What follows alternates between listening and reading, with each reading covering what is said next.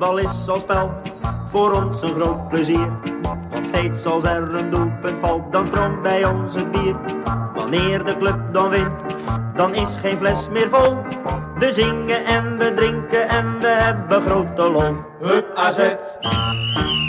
De bal moet in het net, al is de rest ook snel. Kampioen worden we wel. Hup AZ. In mei zaten we voor de laatste keer met Anthony Wijman, Luis in de AZ-pels, om tafel. Vlak na de play-off nederlaag bij Vitesse dachten we al hardop na over de opvolger van Pascal Jansen. Eind 2022 ziet de AZ-wereld er tamelijk anders uit. Jansen zit qua puntengemiddelde ter hoogte van Van Gaal en Kessler. En deze winterstop zijn er geluiden dat hij nog een ander kunstje van deze twee heren kan evenaren. De landstitel. Wat heeft AZ daarvoor nodig in 2023? Ome Jan staat op een kratje bier, want hij is erg klein.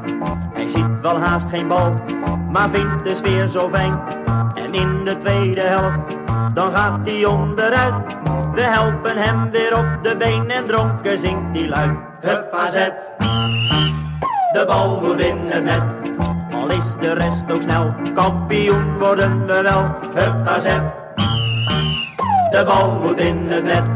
We staan niet stevig op de been, maar we nemen er nog. Ja, Michael. Ja, Sander. Dan verras je me even. Met, eh, met de techniek. Ja. Ja, ja, ja. We zetten stappen. Nee, ik was vandaag eh, vrij. En eh, een beetje eh, bezig met de voorbereiding van de podcast. En meestal zit ik hier een beetje zwetend en eh, stotterend de intro eh, in te spreken. Ja, dat dacht- was hem inderdaad. De intro. Ja, je druk op de knop en ik hoor Michael opeens. Ja, dus ik dacht, ik eh, doe het eh, thuis alvast. Het scheelt weer... eh, nee, het scheelt geen tijd. Maar in ieder geval eh, komt het er dan wat vloeiender uit... zonder jullie dwingende blikken. Ja, schitterend. Ja, techniek staat voor niks, man. ja, het kan al wat tegenwoordig. Ja, hoe is het? Goed. Ja, wat ik zei, eh, lekker een paar dagen vrij. Eh, ik word er altijd Zei wel je dat? ontspannen. Nou ja, ik zei dat omdat ik eh, tijd had om die intro Oh, oh, alvast ja. in te spreken vanmiddag. Dus eh, ja, ik zit, er, eh, ik zit er wel lekker in. Ik, eh, ik ben helemaal tot rust gekomen. En jij? Ja, nou, en ben je er ook een beetje uit, of niet? Beetje uit. Ja, qua AZ. Ja, zeker. Ja, voor mijn gevoel, en volgens mij klopt dat ook wel, hebben wij echt een heel lange winterstop. En ik moest vandaag ook echt weer een beetje inlezen bijna van, hey, wat speelt er nu? Je hebt die oefenwedstrijden wel meegekregen, maar eh, normaal gesproken heb je echt al standaard in je hoofd, oh, hier kunnen we het over hebben, hier kunnen we het over hebben. Maar nu moest ik echt even nadenken, hè, wat is op dit moment eigenlijk nog relevant rond AZ? Maar dat zal volgende week... eh, of iets langer, over anderhalve week zal dat vanzelf wel weer, wel weer terugkomen bij de eerste thuiswedstrijd. Ben jij er ook uit wat AZ betreft? Ja, best wel eigenlijk. Het is dat we nu eh, afgesproken hadden. Eh, maar ja, een maand geleden zaten we hier ook. We zitten hier overigens weer in het kantoor van Bas, Bas terecht. En eh, een maand geleden zaten we hier met Jos, met de DJ. De DJ, en toen hadden we het al over de laatste uitwedstrijd eh, die we net gehad hadden. PSV uit. En eh, ja, nu is het gewoon een ma- dik een maand later. Ja, en toen hadden we het natuurlijk ook over eh, het WK gehad. Misschien gaan we het daar zo ook nog heel even over hebben. Over het AZ-gehalte tijdens het WK. Maar geniet je Ja. ook niet stiekem een beetje van de AZ-loze weken? Dat je in het weekend in ieder geval wat meer tijd hebt... in plaats van dat je halve zondag eh, ja, wordt besteed aan het fietsen naar het stadion en de wedstrijd zelf. Ja, nou ja, ik geniet altijd wel van, eh, hoe zeg je dat? Meer tijd.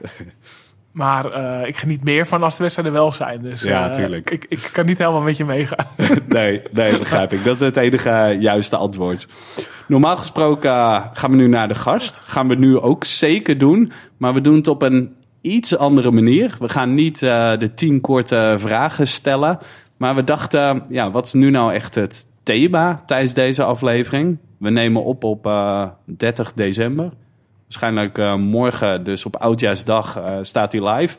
Ja, moeten we de achtergrond nog vertellen? Dat, dat ja, deze gast eigenlijk ons, ja, hoe zeg je dat? Onze nieuwe Bas de Recht is. Hè? Als Frits Wester afzegt, dan hebben we Bas de Recht eh, altijd achter de hand. Ja, wel door omstandigheden. Want ja. Ja. we kunnen het gewoon zeggen. We wilden eigenlijk met een, eh, met een speler opnemen natuurlijk deze maand. En was bijna gelukt. Ja, we hadden eigenlijk vanavond afgesproken inderdaad, eh, met Panta. Maar nou, die hebben we moeten uitstellen. Hij zou gisteravond natuurlijk terugvliegen uit, vanuit Atalanta of vanuit Bergamo hierheen. Ja. maar goed, het past niet in zijn privéagenda uiteindelijk. we hebben wel hem met potlood over een paar weken nu vastgelegd. maar nou, gelukkig zagen we iemand bereid om met ons de balans eh, op te maken voor 2022. Ja, en die, die komt op een of andere manier altijd op momenten dat we een soort van willen evalueren. Vorige keer zaten we in mei uh, met Anthony van, van AZ Alerts, kunnen we wel zeggen. En toen ging het over evaluatie van het seizoen. We zaten vlak voor de allerlaatste wedstrijd van het seizoen. En uh, ja, nu komen we eigenlijk weer op een evaluatiemoment uh, met Anthony aanzetten. Want we willen het over dit jaar hebben. En eigenlijk niet zozeer terugblikken op het hele jaar, maar meer afsluiten. En vooral vooruitkijken naar volgend jaar. Uh, van wat gaan we meer zien volgend jaar op AZ-gebied? Maar voordat we dat gaan bespreken, doen we eerst even een korte ronde in plaats van de openingsvragen. De van, Nee, uh, nee, nee, nee. nee. Oh, dat doen we hierna pas. Uh, eerst, wat, wat wil je achterlaten in 2022? En ja, dan wil ik eigenlijk van jullie horen... Uh, één, wat wil je achterlaten op AZ-gebied? En twee, wat wil je achterlaten op persoonlijk of algemeen gebied? In ieder geval niet iets wat per se AZ-gerelateerd is. Um, zullen we maar gewoon met onze gast beginnen voordat hij nog een kwartier naar ons moet uh, luisteren? Ja. Anthony, uh, heb jij een idee wat je, wat je wil achterlaten dit jaar? Nou, ik heb genoeg ideeën, maar laten we eerst beginnen op het AZ-gebied. Uh, mijn eerste persoon die ik zou willen achterlaten op AZ-gebied zou dan zijn Pieter Vindaal. Maar daar heeft Max Huiberts al voor gezorgd dat hij niet bij ons in het tweede seizoenshelft zit. Maar ik zou toch nog een keeper eigenlijk niet in de basis willen hebben. En dat zou Hobie Verhulst zijn. Die moet toch echt wel naar de, als tweede keeper komen. En dan we gaan we een nieuwe eerste keeper halen. En dat is toch wel het belangrijkste punt wat ik zou willen achterlaten ja. op AZ-gebied. Maar daar is dan denk ik ook nog aan gekoppeld dat er wel nog iemand bij moet komen? Precies, we gaan dus ook vooruitkijken. En vooruitkijkend hopen dat er in het transfer weer een nieuwe keeper komt. En wie dat moet zijn, dat eh, mag Max uit de hoge hoed toveren. Ja, leg dat probleem bij hem weer. Dat uh, laten we inderdaad bij hem liggen. Ja. Ik heb genoeg opties, maar uh, of die haalbaar zijn is het tweede. Maar uh, nee, ik, een, een, nieuwe keeper is echt wel een mis. Want ik denk dat voorin en op het middenveld een uitstekend team hebben. Helemaal met het budget wat AZ heeft. En in de verdediging, maar vooral op keepersgebied... is het toch echt wel een must dat het een niveautje omhoog mag. Ja, en op persoonlijk gebied? Nou, persoonlijk gebied bied ik het iets breder. Dus niet alleen voor mij, maar eigenlijk gewoon een uh, wereldprobleem. En dan hoop ik dat zo snel mogelijk de oorlog in Rusland uh, en, en, Oekraïne voorbij is. Want wat daar gebeurt is natuurlijk echt uh, bizar en vreselijk. En niet menselijk. Dus liever vandaag dan morgen hoop ik dat de oorlog daar stopt. Want dat is echt nou, te zot te verwoorden dat dat deze tijd nog gebeurt. Mooi, bijna een beetje een kerstgedachte. ik had niet verwacht dat er zulke uh, wereldproblematiek bij dit soort uh, vragen op tafel zou komen. Maar uh, ik denk dat ik me daar alleen maar bij kan aansluiten. Sander, als, als we kijken naar, naar wat we achterlaten in 2022 op AZ-gebied, waar kies jij dan voor? Ja, ik, het, het, is bijna, hoe zeg je dat, te makkelijk. Maar ik vind gewoon de, hoe heet het, de potjes zoals tegen RKC of... Weet je, we winnen van PSV en van Ajax en allemaal blij en te gek. En dat je daar punten laat liggen tegen dat soort tegenstanders. En natuurlijk hebben we meer uh, daarvan gezien de eerste seizoenshelft. Ja, ik wil gewoon dat dat achterwege blijft. Omdat het zo zinloos is en frustrerend. Maar ja, de vraag is natuurlijk hoe. Hè? Dat, ik kan het nu wel zeggen. Uh, dat wil ik graag achterlaten. Ja, hoe zorg je voor die uh, balans en... Kijk, heel veel willen attractiever spel of aantrekkelijker. Ja, het hoeft voor mij niet als ze steeds met 1-0 winnen, zoals gisteren van Atalanta. Vind ik het prima. ja. Maar ja, dit is zo uh, gekmakend eigenlijk. Als je de stand ziet en dan kijkt van... oh ja, daar heb je punten laten liggen en daar heb je punten laten liggen. Ja, ja je zag ook wel een beetje op het WK... dat uh, kleinere ploegen of minder uh, kwalitatief hoogwaardige ploegen... als een goed tactisch plan hebben... kunnen ze ook uh, grote ploegen heel moeilijk maken. Dat is een beetje een trend, heb ik het idee. Dus dat baart me wel een beetje, beetje zorgen. Um, wat we ook hebben achtergelaten is de opener, die wordt nu in de allerhaal. Ik had een AZ-opener om een sleutelbos, maar die is afgevallen. Dus eh, Bas is nu de opener, opener aan het halen. Klopt vast Ja. goed. En eh, eh, het andere wat je wil achterlaten. Ja, nou ja, ik heb vaak als je, hoe zeg je dat? Als je ehm, goede voornemens gaat zeggen, dan is het altijd ja, of meer sporten, of meer koken, of meer klussen. Ehm, en dat heb ik eigenlijk ieder jaar al dat ik dat denk. Eh, en ik werkte deze vakantie en eh, het- het is een beetje, een vriend van mij noemt het altijd ouders van nu eh, rubriekje in, in de podcast. Ik merk dat het heel erg heeft gewerkt deze vakantie om de teugels te laten vieren. Ik was altijd heel, ja, bijna rigide over... je mag maar een half uur schermtijd per dag, weet je wel, dat soort dingen. En dat kwam de sfeer nooit ten goede. En nu heb ik me voor de kerstvakantie voorgenomen... ik ga gewoon zorgen, zij moeten uitrusten, ik moet zelf ook uitrusten. En ik merk gewoon als ik denk van, ja joh, nou, dan ga je maar even wat langer. Dat ik zelf ook eh, toekom aan, nou ja, ik heb gisteren en vandaag eh, de badkamer geschilderd. Ja, dat was voorheen niet gelukt, omdat ik gewoon steeds politieagentje moest spelen. En ja, ze noemen dit dan een soort van loslaten. Dat vind ik alweer een beetje, eh, bijna, zeg dat, spiritueel klinken. Maar ik merk wel dat dit eh, eh, mijn eigen rust en van eh, het addergebroed thuis eh, ten goede komt. Oh ja, ik wou net zeggen, het werkt blijkbaar voor jou, maar werkt het ook voor de kinderen? Maar zo te horen. oh, Ja, zeker. Ja. Als papa steeds bovenop zit dat ze nu weer eh moet stoppen met die iPad en ergens anders zichzelf moeten vermaken, dan, dan wordt ze ook niet rustiger van. Oké, mooie inspirerende boodschap. Ehm, ja, als ik kijk naar wat ik wil achterlaten op AZ-gebied, uh, schoten me eigenlijk meerdere te binnen. Ik dacht eerst aan het, eh, aan het bier gooien. Eh, dat, dat die hype die is wat mij betreft nu wel een beetje eh, voorbij. Ehm, die noem ik wel nog even. Maar daarnaast die bedelboordjes. Waarmee de jeugd nu standaard naar het stadion komt. Ehm, ik vind dat je de jeugd die een keer een wedstrijd bezoekt... het dag van hun leven moet gunnen. Maar ik maak me wel een beetje zorgen over de opvoeding. Want als je naar het stadion komt met het idee van... ik kom hier iets halen en jullie moeten mij iets geven. Dat is volgens mij als supporter de verkeerde instelling. Ik heb liever dat uiteindelijk de jeugd naar het stadion gaat... om gewoon een club aan te moedigen en eh, te klappen als ze eh, een mooie wedstrijd hebben gezien... in plaats van gelijk in de bedelstand te schieten. Misschien moet ik ook wat meer loslaten op dat gebied. Ja. Maar Je bedoelt dat je niet over eh, opwint, over de ja, ja, ja, ja laat, eh, laat die kinderen dat lekker doen. Maar toch dacht ik, ja, die trend. Het is ook zo, eh, overal zie je het. Het is eh, een beetje irritant. Bij Ajax hadden ze het verboden, hè? Is dat zo? Ja, Bij PSV volgens mij ook. ja echt. Ja? Ja. Oh, dat is echt steward staan dan bij de ingang uh, om, uh, om die af te pakken. Heb je niet stiekem een bedelpotje in, je, in je jas zitten. Ja, en, Zes eh, maanden stadionverbod. Ja, en eh, het andere was eigenlijk ehm, ook een beetje geïnspireerd op AZ, maar meer in het algemeen eh, geldt het ook wel eh, het anonieme eh, ja, gekanker op internet. Dat, dat hoop ik ook wel echt eh, minder te zien in 2023. Het viel me eigenlijk op dat je dit seizoen, nee, vorig seizoen vooral, maar dit jaar ehm, in het algemeen ook wel, onder heel veel AZ-gerelateerde posts gewoon heel veel anoniem ja, gezeik ziet. En gewoon ook direct naar spelers toe. En dan is vaak het verweer van... ja, je mag geen eens meer kritisch zijn. Maar het is niet eh, gewoon kritisch zijn. Het is echt gewoon eh, spelers echt compleet neerhalen... terwijl ze nog voor AZ spelen. Spelers die dat ook direct zien... Tenminste, de kans is groot dat ze het zien. Vaak worden ze eh, getagd of wordt het gepost onder een post van een speler zelf. Ja, ik vind dat wel echt een beetje een trieste ontwikkeling. En het heeft wat mij betreft niks met eh, je mag niet kritisch zijn eh, te maken. Maar meer met een soort basishouding van... eh, waarom zou je gasten van 18, 19 jaar zo naar beneden willen halen... terwijl ze nog het AZ-shirt dragen? Ja, je had, je had er ook medestanders volgens mij. Want we hadden natuurlijk net een oproepje op Twitter van... wat zouden jullie anders willen zien? En er werd dit inderdaad veel genoemd, ja. Nou ja, Iemand, Pascal stuurde volgens mij meer creditcard voor de spelers. Maar waarschijnlijk bedoelde hij meer credits voor de spelers.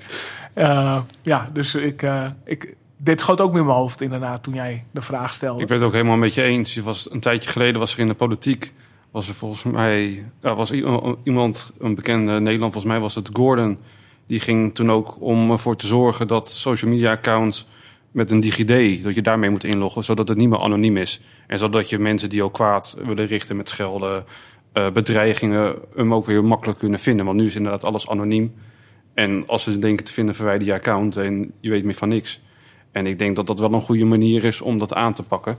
En als het opbouwende kritiek is, dan kan je dat makkelijk onder je eigen naam doen. Want iedereen mag dat iets vinden, maar wel op een nette manier. En ook bij onze post, als AZ een keertje verloren heeft en we plaatsen een fulltime post... eh, dan zie je ook heel veel gekanker. En dat is natuurlijk niet de bedoeling. Ja, eh, ja we hadden het vorige keer ook over, hè, herinner ik mij nog, over eh, Abu Glogingen toen inderdaad. Van, Ja. Waar ligt de grens van, hè, mag je nog kritiek uiten of wanneer wordt het eh, persoonlijk en onnodig en eh, ja, supporters onwaardig. Ja, dat is ook wel een lastige balans, want die ligt ook voor iedereen anders. Maar eh, ik denk dat de meesten zich wel aansluiten bij, eh, bij jullie woorden. Mooi. En persoonlijk, Michael. Persoon- ja, of was, dit- of was nee, dit dat was mijn jij- persoonlijke jij, irritatie. Jij wil minder anoniem eh, twitteren. Nou, ik merk wel. Ik ben volgens mij ooit op Twitter... of misschien ook nog andere social media... op Hives anoniem eh, begonnen. In ieder geval op Twitter volgens mij. En ik weet wel uit ervaring dat de drempel om mensen... Ja, te raken of in ieder geval ze neer te halen... gewoon een stuk lager is als je zelf anoniem bent. En dat je altijd even denkt van... hé, hey, wat als ik nou diegene nu recht tegenover me had... zou ik het dan ook zeggen? En soms is het antwoord eh, ja. En dan eh, kan je dat meestal onder je eigen naam nog wel doen. Maar als je het en anoniem doet en je beseft van... hé, hey, in het echte leven zou ik het nooit doen... dan, eh, ja, dan ben je volgens mij niet goed bezig. Al dus Vertigo van het AZ Forum. ja. ja, ja, klopt. Wow, wel lang geleden alweer. Ja. Ja. Maar goed, die begintijd, dat was eigenlijk ook al vaak heel veel, best wel anoniem. Maar dat was wel, daar werden de nicknames gingen uit de anonimiteit. Of iedereen kende elkaar bij nickname. En dat ja, was wel dat een ook. mooie... En het was... ehm, ik weet niet of er nou heel veel spelers op dat forum zaten. dat, nee, het zou kunnen hoor. Want Cruz Azul, ja. Dat, ja, dat- gerucht ging wel eens dat, weet ik het, Kenneth Perez dan een keer het forum had gelezen en dat hij heel eh, boos was geworden op de supporters. Maar ja, dat, eh, dat was inderdaad vaak ook anoniem, maar eh, ook weer niet helemaal anoniem, Ja. want uiteindelijk gingen jullie met z'n allen bowlen, eh, toch? ja. Maar als dit je persoonlijke noot was, wat is dan je AZ-noot? dat waren die bedelbordjes. Oh ja, oh ja, ja sorry. Ja, ik... Tijd voor bier. ja. ja. Wat heb je meegenomen? Nou ja, dit was, oh, ik, ik zal proberen het kort te houden, want ik ben vanochtend naar de bierhut gegaan. Ik denk, ja, iets toepasselijks is dat te vinden. Eh, ik ben de laatste tijd erg vaak in, jou misschien wel bekend, Johanneshof te vinden. Zelfs met kerst was ik er, maar ook eh, als ik ga fietsen of zo met mijn kinderen, dan eh, neem ik altijd even een biertje. Ja. Toen ben ik erg verslingerd geraakt, geraakt aan de biertjes van de eeuwige jeugd.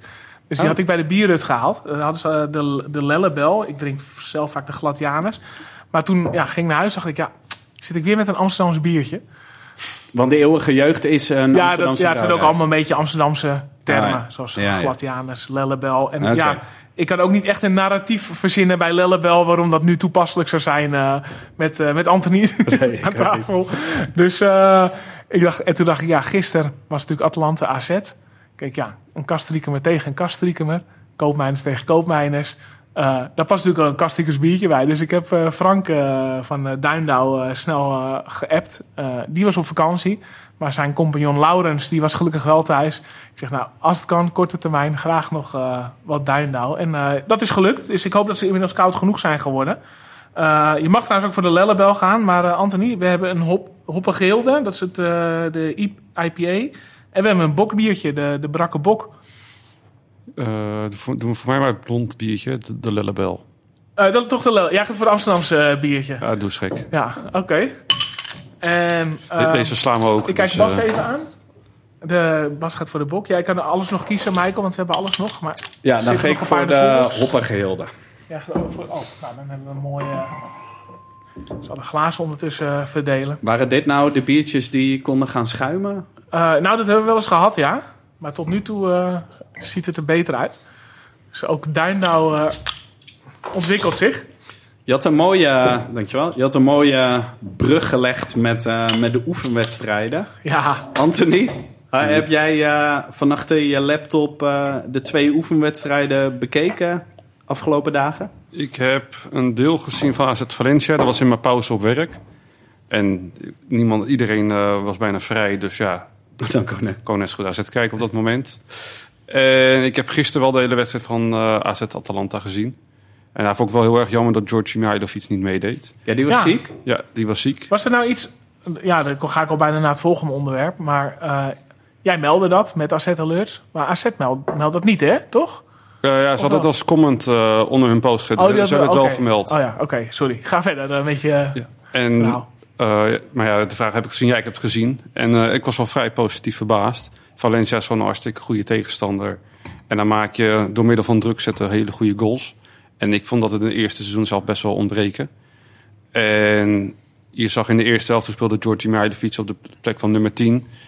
En dat is toch echt wel een verademing vergeleken met Dani de Wit. Want wat, ehm, waarin vind je hem eh, beter?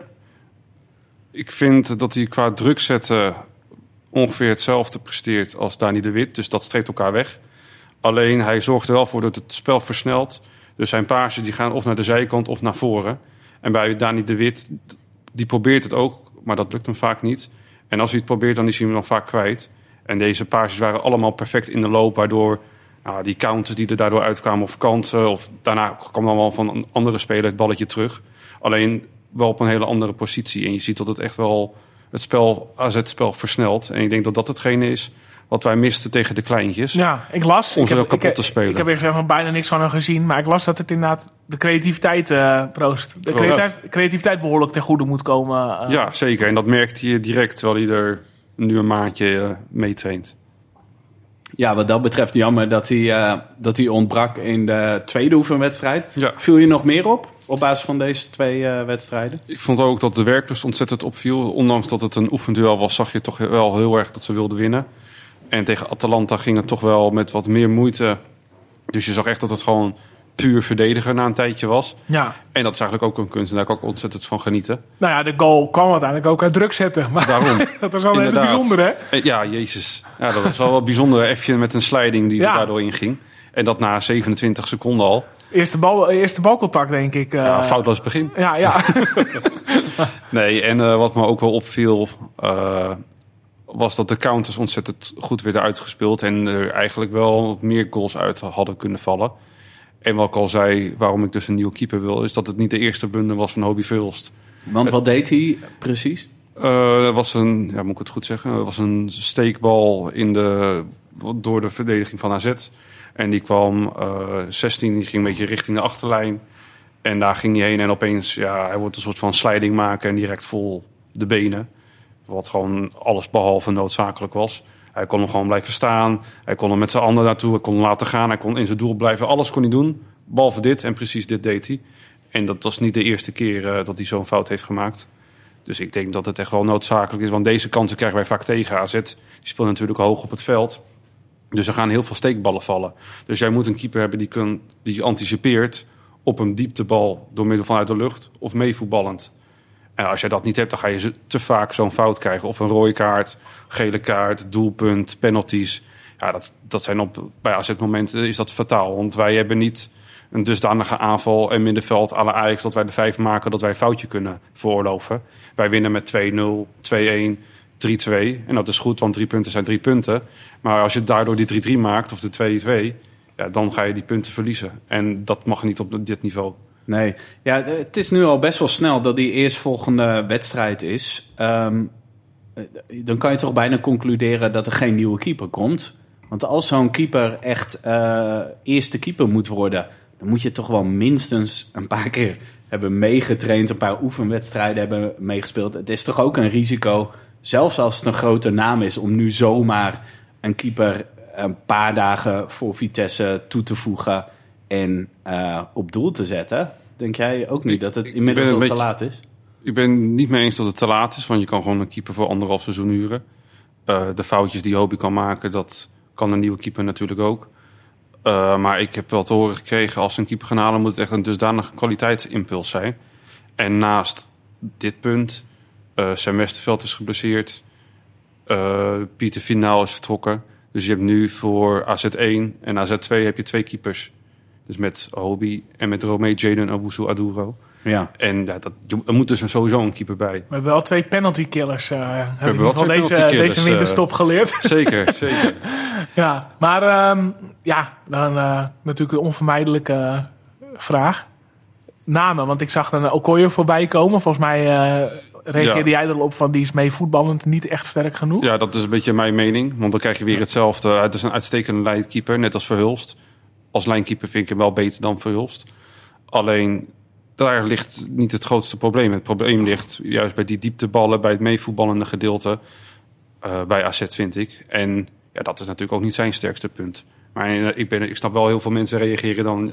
Het belangrijkste is dat hij bal tegenhoudt. Dus als je op dat perspectief kijkt, is het natuurlijk wel een verbetering eh dan Verhulst. Maar ik denk dat we als AZ zijn er best wel wat meer mogen investeren dan dat we normaal doen op Maar- keepersgebied. Omdat het er gewoon bewezen is dat een keeper, kijk naar Jan Oblak, maar kijk ook bij Twente, dat een keeper punten pakt. Dus hoe, daar eh, mag je echt wel groot geld. acht jij de kans dat AZ net zo denkt als jou? Of zou AZ kunnen zeggen, nou we houden gewoon Verhulst op doel en Owuzu erachter? Maar dan heb je geen keeper meer voor jong. Dus je moet sowieso een keeper halen. Ja, maar dan halen ze dus halen ze een derde keeper. Terwijl jij eh, suggereert dat er eigenlijk de eerste keeper moet komen. Ik vind dat er een eerste keeper moet Ja, komen. en wie? Ja, geen idee. Nee, nou, er zijn nou, wel, kom op, Anthony. er zijn wel eh. namen in de ronde, maar die ga ik niet brengen. Want ik wil niet onderhandelingsposities in gevaar brengen. Nee, oké, maar wie zou je zelf, zonder dat je dat zou weten, eh, wie zou je dan een serieuze optie vinden? Nou, Okoye vind ik inderdaad wel een oké optie als je puur kijkt op keepersgebied, maar niet op het meest voetballende gebied. En ook een betaalbare, maar ik moet zeggen, mijn kennis qua keeper eh, is niet dusdanig ook. is niet de, de eerste positie waar ik naar kijk. Dus ik vind het heel lastig. En dat zie je ook, want AZ is gewoon hartstikke druk op zoek naar een keeper. Maar die markt is gewoon hartstikke moeilijk en zwaar. Iedereen zoekt een goede keeper. Want Ja. iedereen weet, een goede keeper die pakt punten. Ja.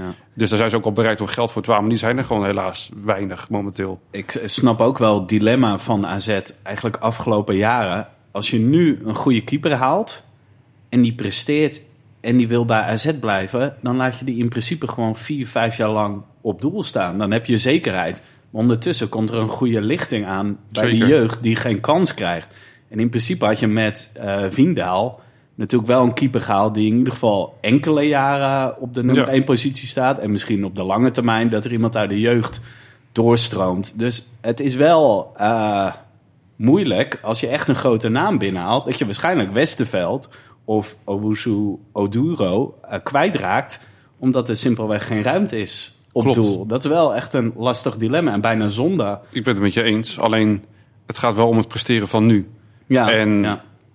Je kan, als een keeper goed presteert, eh, en ook al geef je hem een 4, 5 jaar contract, dan kan je hem even goed nog van de hand doen. En dan ga je gewoon cashen om toch nog die development eh, Ja. te behouden.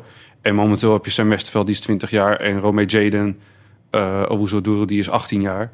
Dus die uh, Romee die kan sowieso nog 2, 3 jaar eh, bij Jong AZ keeper. Eh, ik denk dat twee jaar goed genoeg is, want ik vind hem echt een groot talent. Ik vind hem beter dan Sam. Maar Sam die kan ook nog eh, makkelijk een jaar eh, bij Jong AZ keeper. En Romee die keept ook de Youth League. Dus er zit nog genoeg momenten om jezelf te verbeteren. En Ja. ik ben van mening dat AZ al wat vaker in de periodes van Interlands... een oefenduel moet inplannen om zulke gasten meer minuten te geven... met de overgebleven spelers die niet internationaal op de tocht zijn... om aan, wel aan dat niveau te wennen. Nee. Ja, ja, zeker een keeper ga je niet zomaar in de Daarom. eh, Je wilt 70ste stabiliteit. minuut wisselen om hem even wat speeltijd te gunnen. Eens.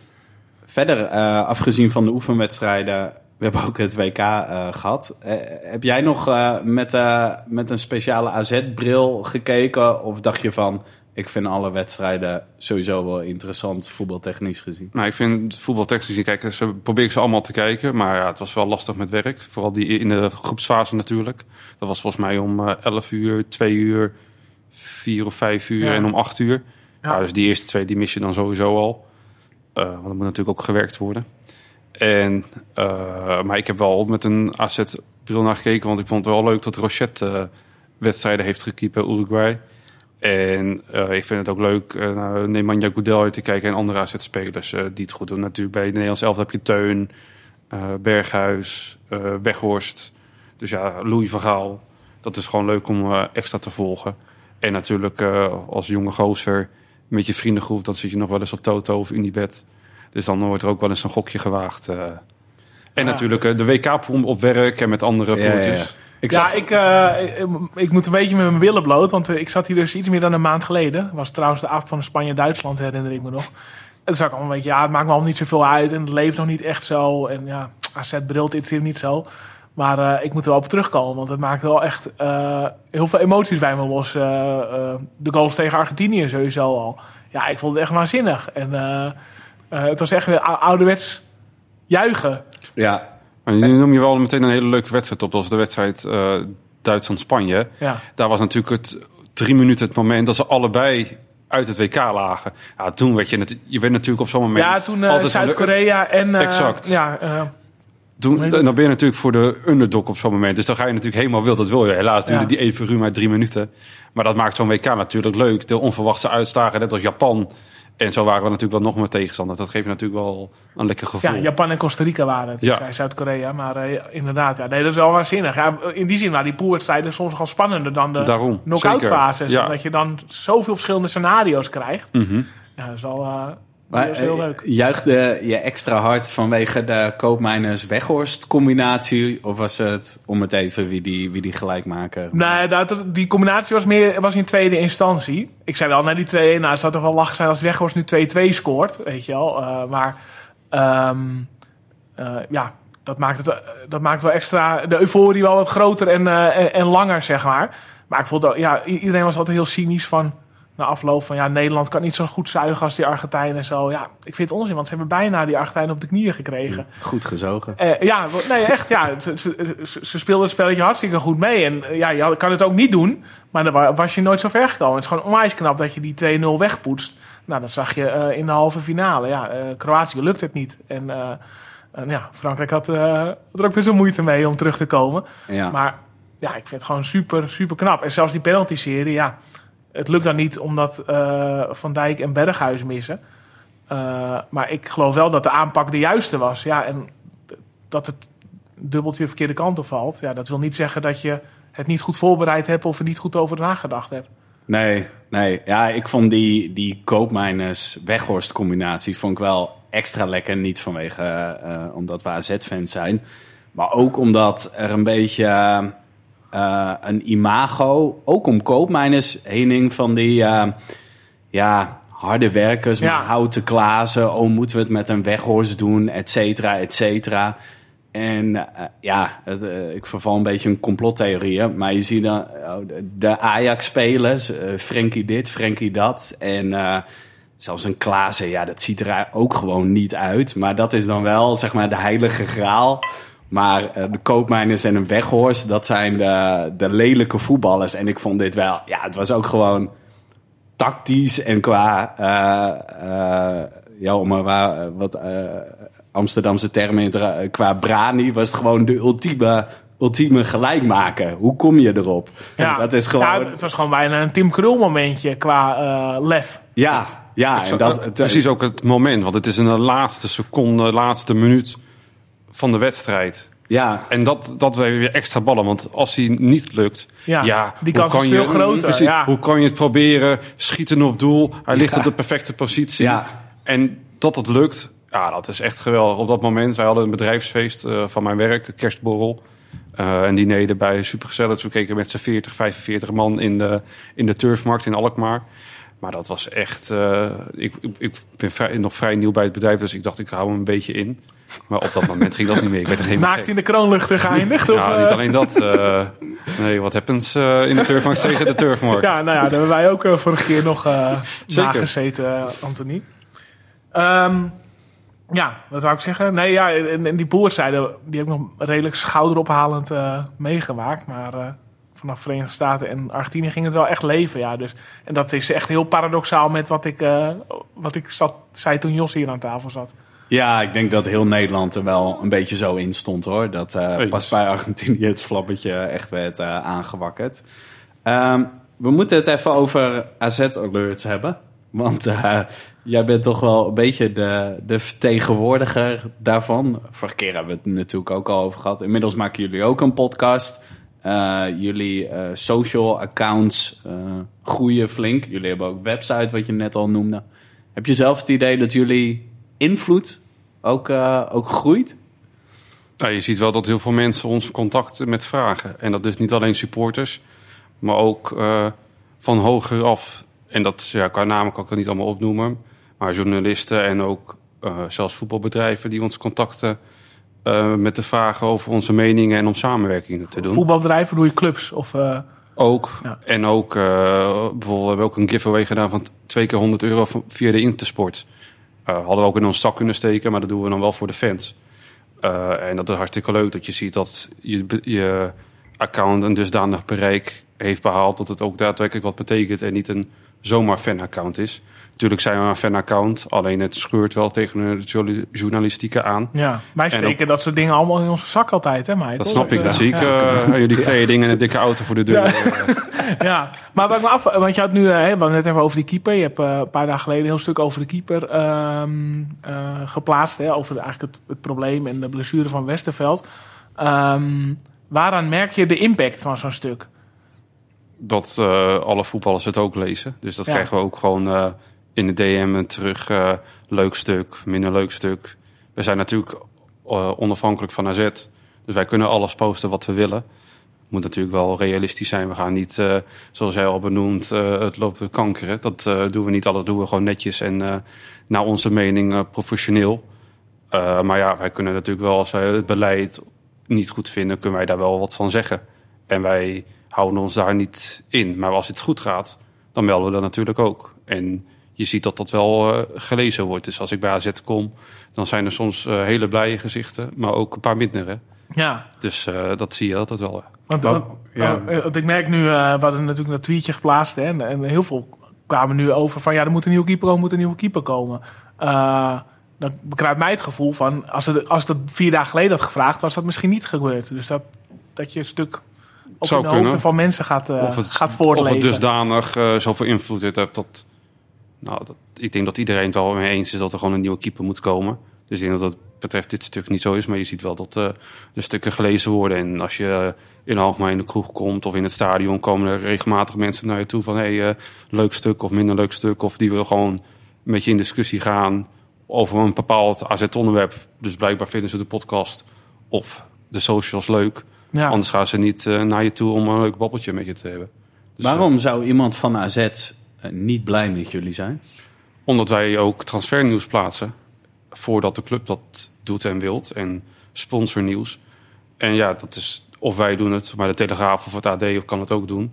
Alleen ik snap wel dat ze een beetje triggerd raken dat een paar snotjeneusjes van 18, 19, 20... Nou, ik ben al 25 nu. maar ook al nog dat nieuws. snotneus. Ik ben zeker een snotneus.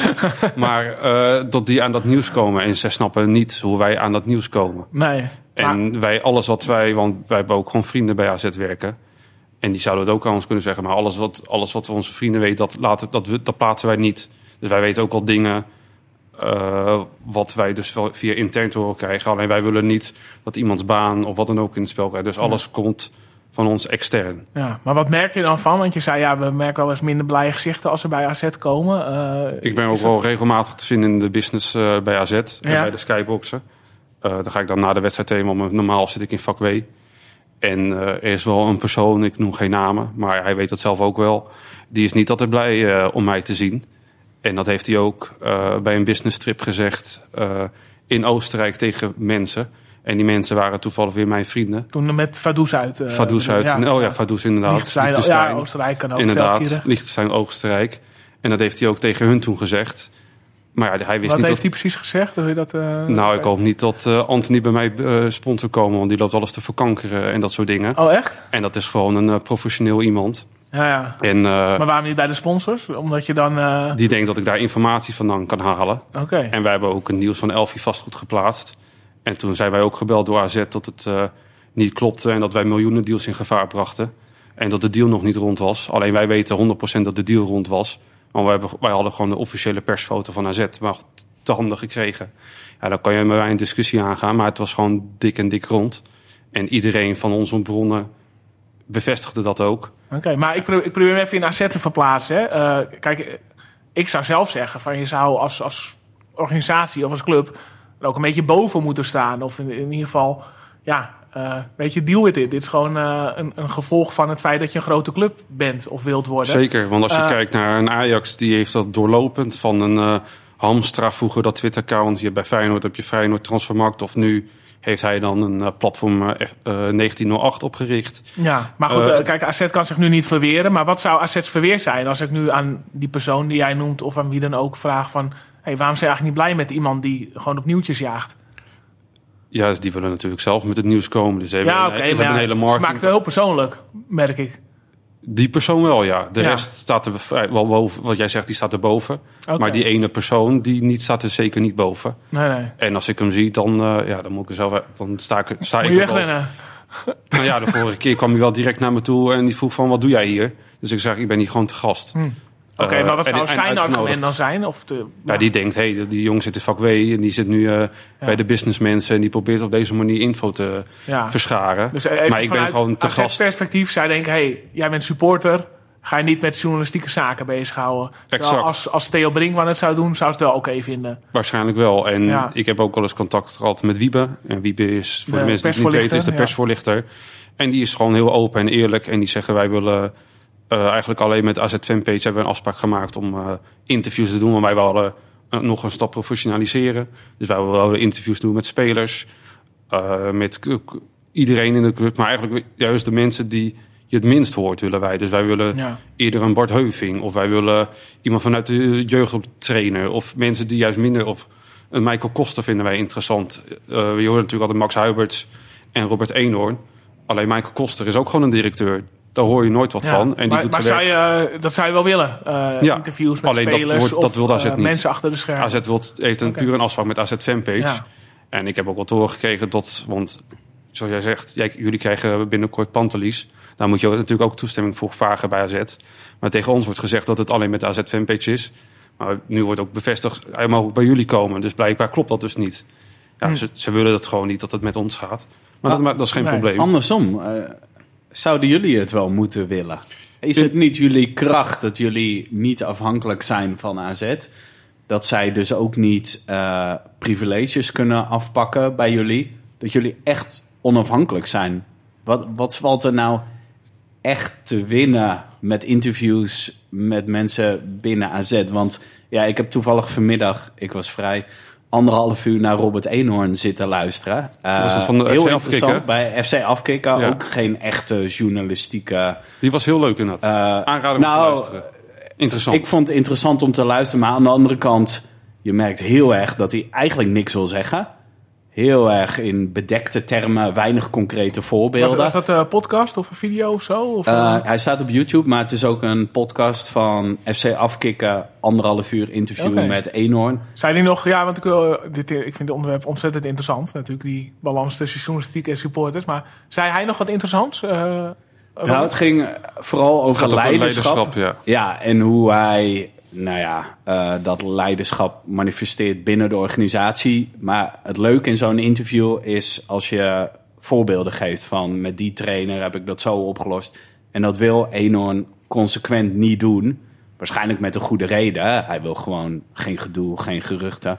Maar mede daarom vraag ik me nu af, ja, wat voegt het nou echt toe als je een interview kan houden met iemand binnen AZ en die kan alleen maar in bedekte termen wat clichés aan jullie vertellen? Eh, mis je dan nu wel iets? Ik vraag het me af. In principe mis je niet, alleen je wordt wel je bereik en je kwaliteit uitbreiden.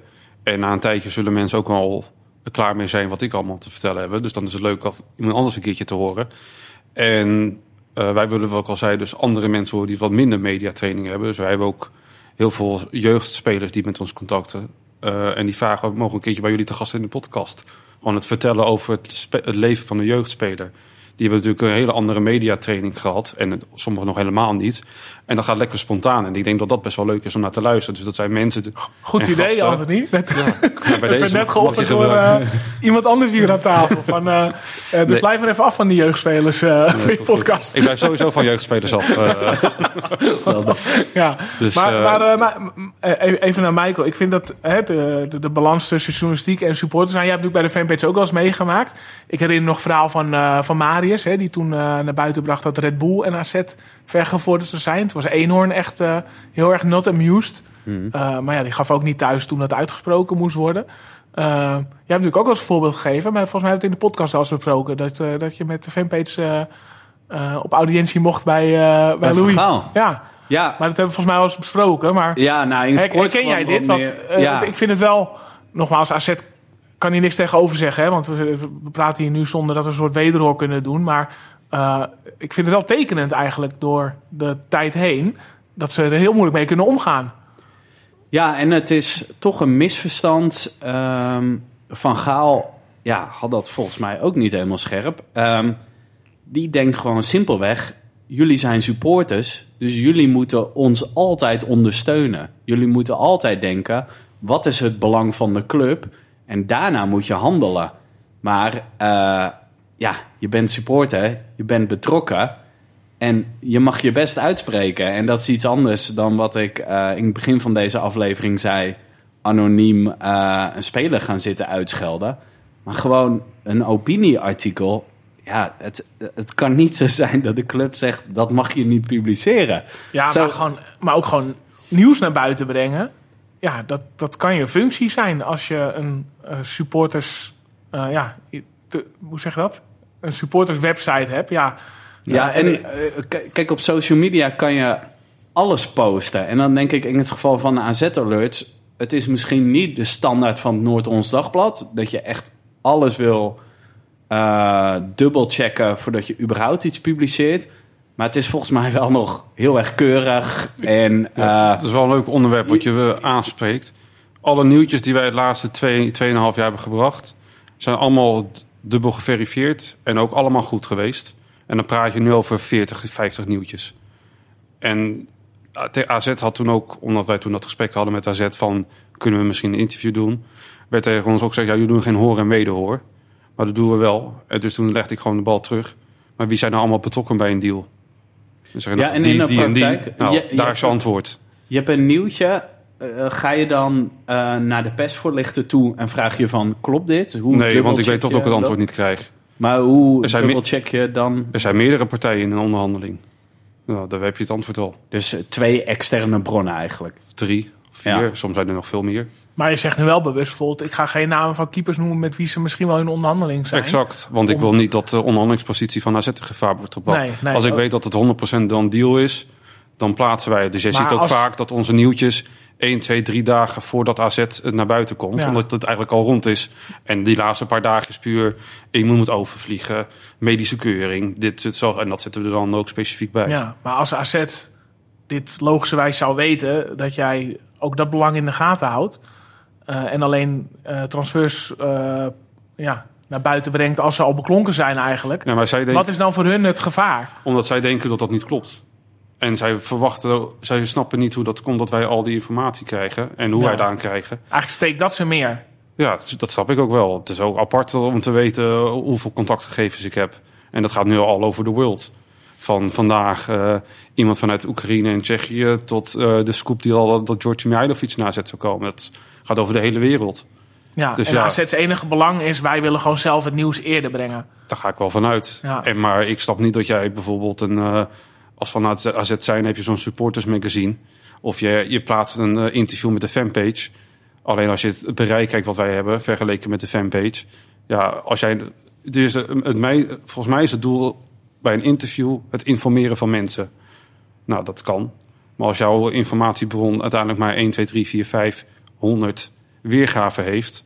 Volgens mij wil jij een zo groot mogelijke doelgroep bereiken... om jouw AZ-informatie bij de fans en supporters te laten enthousiasmeren. Want dat is uiteindelijk het doel. Jij wilt door middel van een interview met Pantelies bij jullie... wil jij fans op de hoogte brengen en enthousiasmeren... om uiteindelijk een seizoenskaart te kopen of wat dan ook. Of überhaupt informatie eh, te verlenen.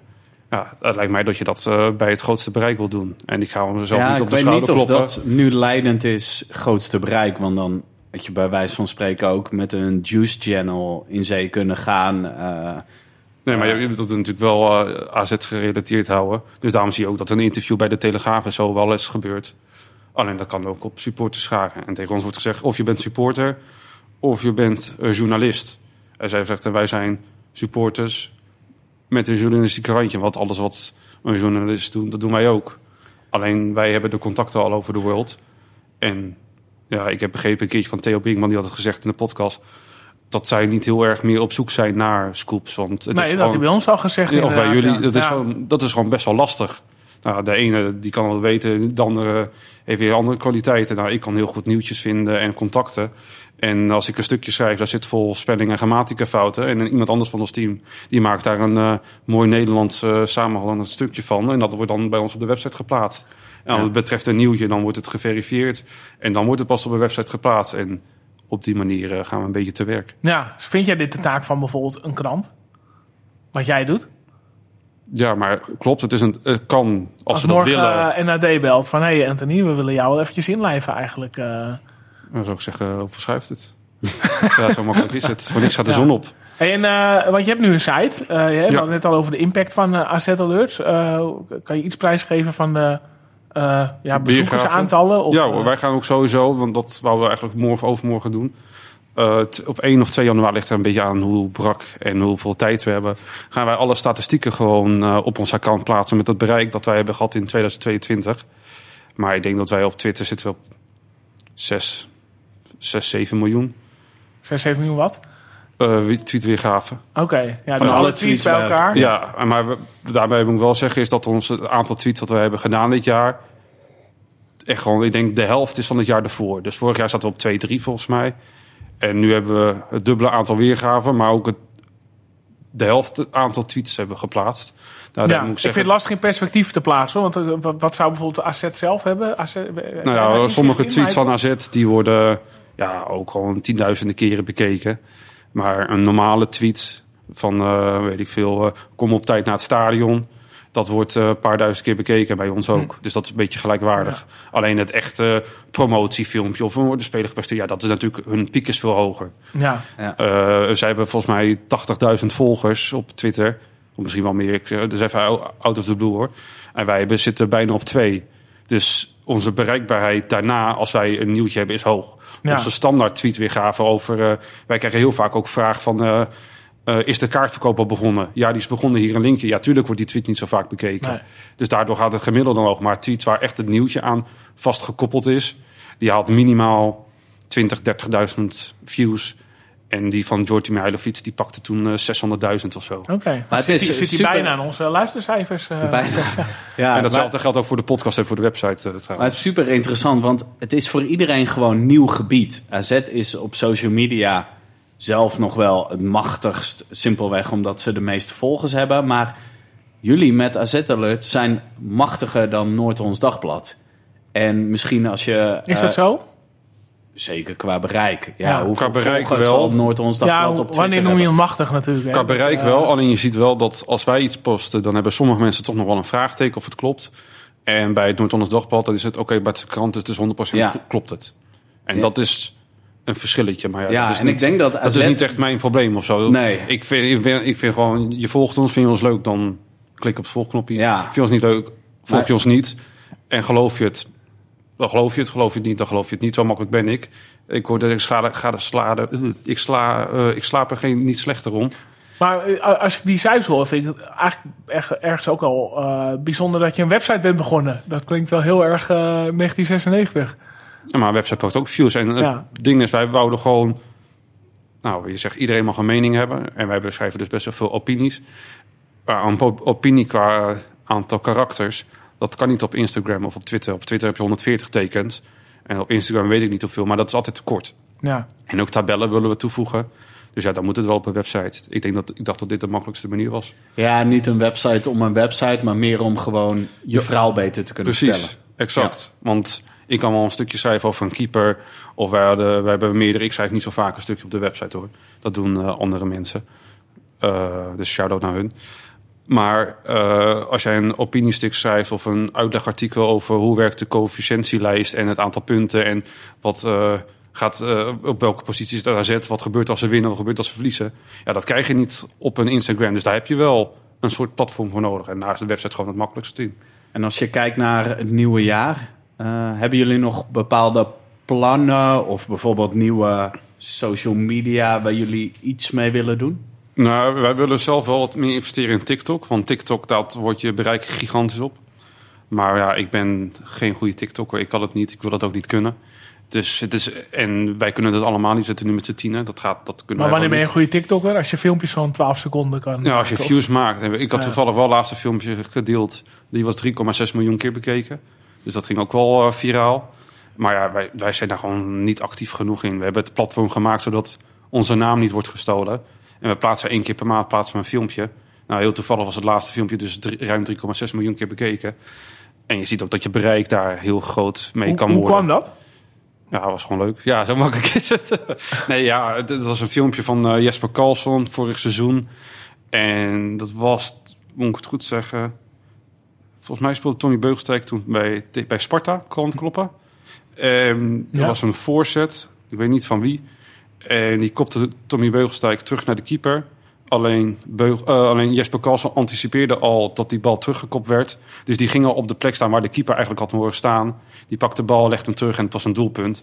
En dan zeggen we erbij eh, 200 IQ, eh, dat soort dingetjes. Gewoon een beetje satire. En het, het is alles met een knipoog bedoeld. Maar deze werd wel verrassend genoeg heel veel bekeken. Ja, Want normaal dit, gesproken... Dit, eh, gaat mijn brein even te boven eigenlijk. Ja, normaal gesproken wordt dit dus eh, een filmpje bij ons eh, tussen de 1000 en 30.000 keer bekeken. Ja. Dat het al opeens 3,6 miljoen is, dat verbaast ons ook. Ja, maar hoe komt dat? Want ja, je Ja, blijkbaar. dat er in filmpjes zat. ja, maar eh, blijkbaar eh, vonden mensen het aansprekend en die vonden het leuk. En die dachten, hé, wat slim. eh, die anticipeert al op iets waar iemand helemaal niet over na zou denken. En dan wordt het gewoon gedeeld. Ja, mijn hersens gaan niet verder dan... Hè, ik weet nog een beetje van de fanpage-tijd, Michael. Dat de dag na AZ Ajax hadden we altijd eh, bezoekersrecords.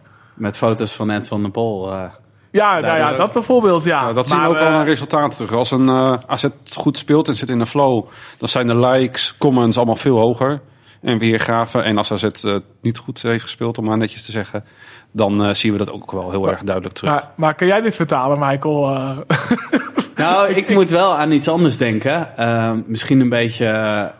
eh, ja, nog iets wat gevoelig ligt. Maar Oh. Hoe doen jullie het rechte technisch? Want ik heb, ik heb die TikTok gezien. Maar het is eigenlijk gewoon een beeld eh, van de camera's van E ESPN. ESPN, ja. Eh, krijgen jullie daar geen gezeik mee? Want het is Nou, op niet je TikTok doet iedereen het. Dus ja, nog nooit gezeik mee gehad. Op Instagram wouden we wel eens eh, filmpjes van goals doen. En daar hebben we voor, van E ESPN nooit, maar van de UEFA wel kregen we een berichtje van nee, het mag niet.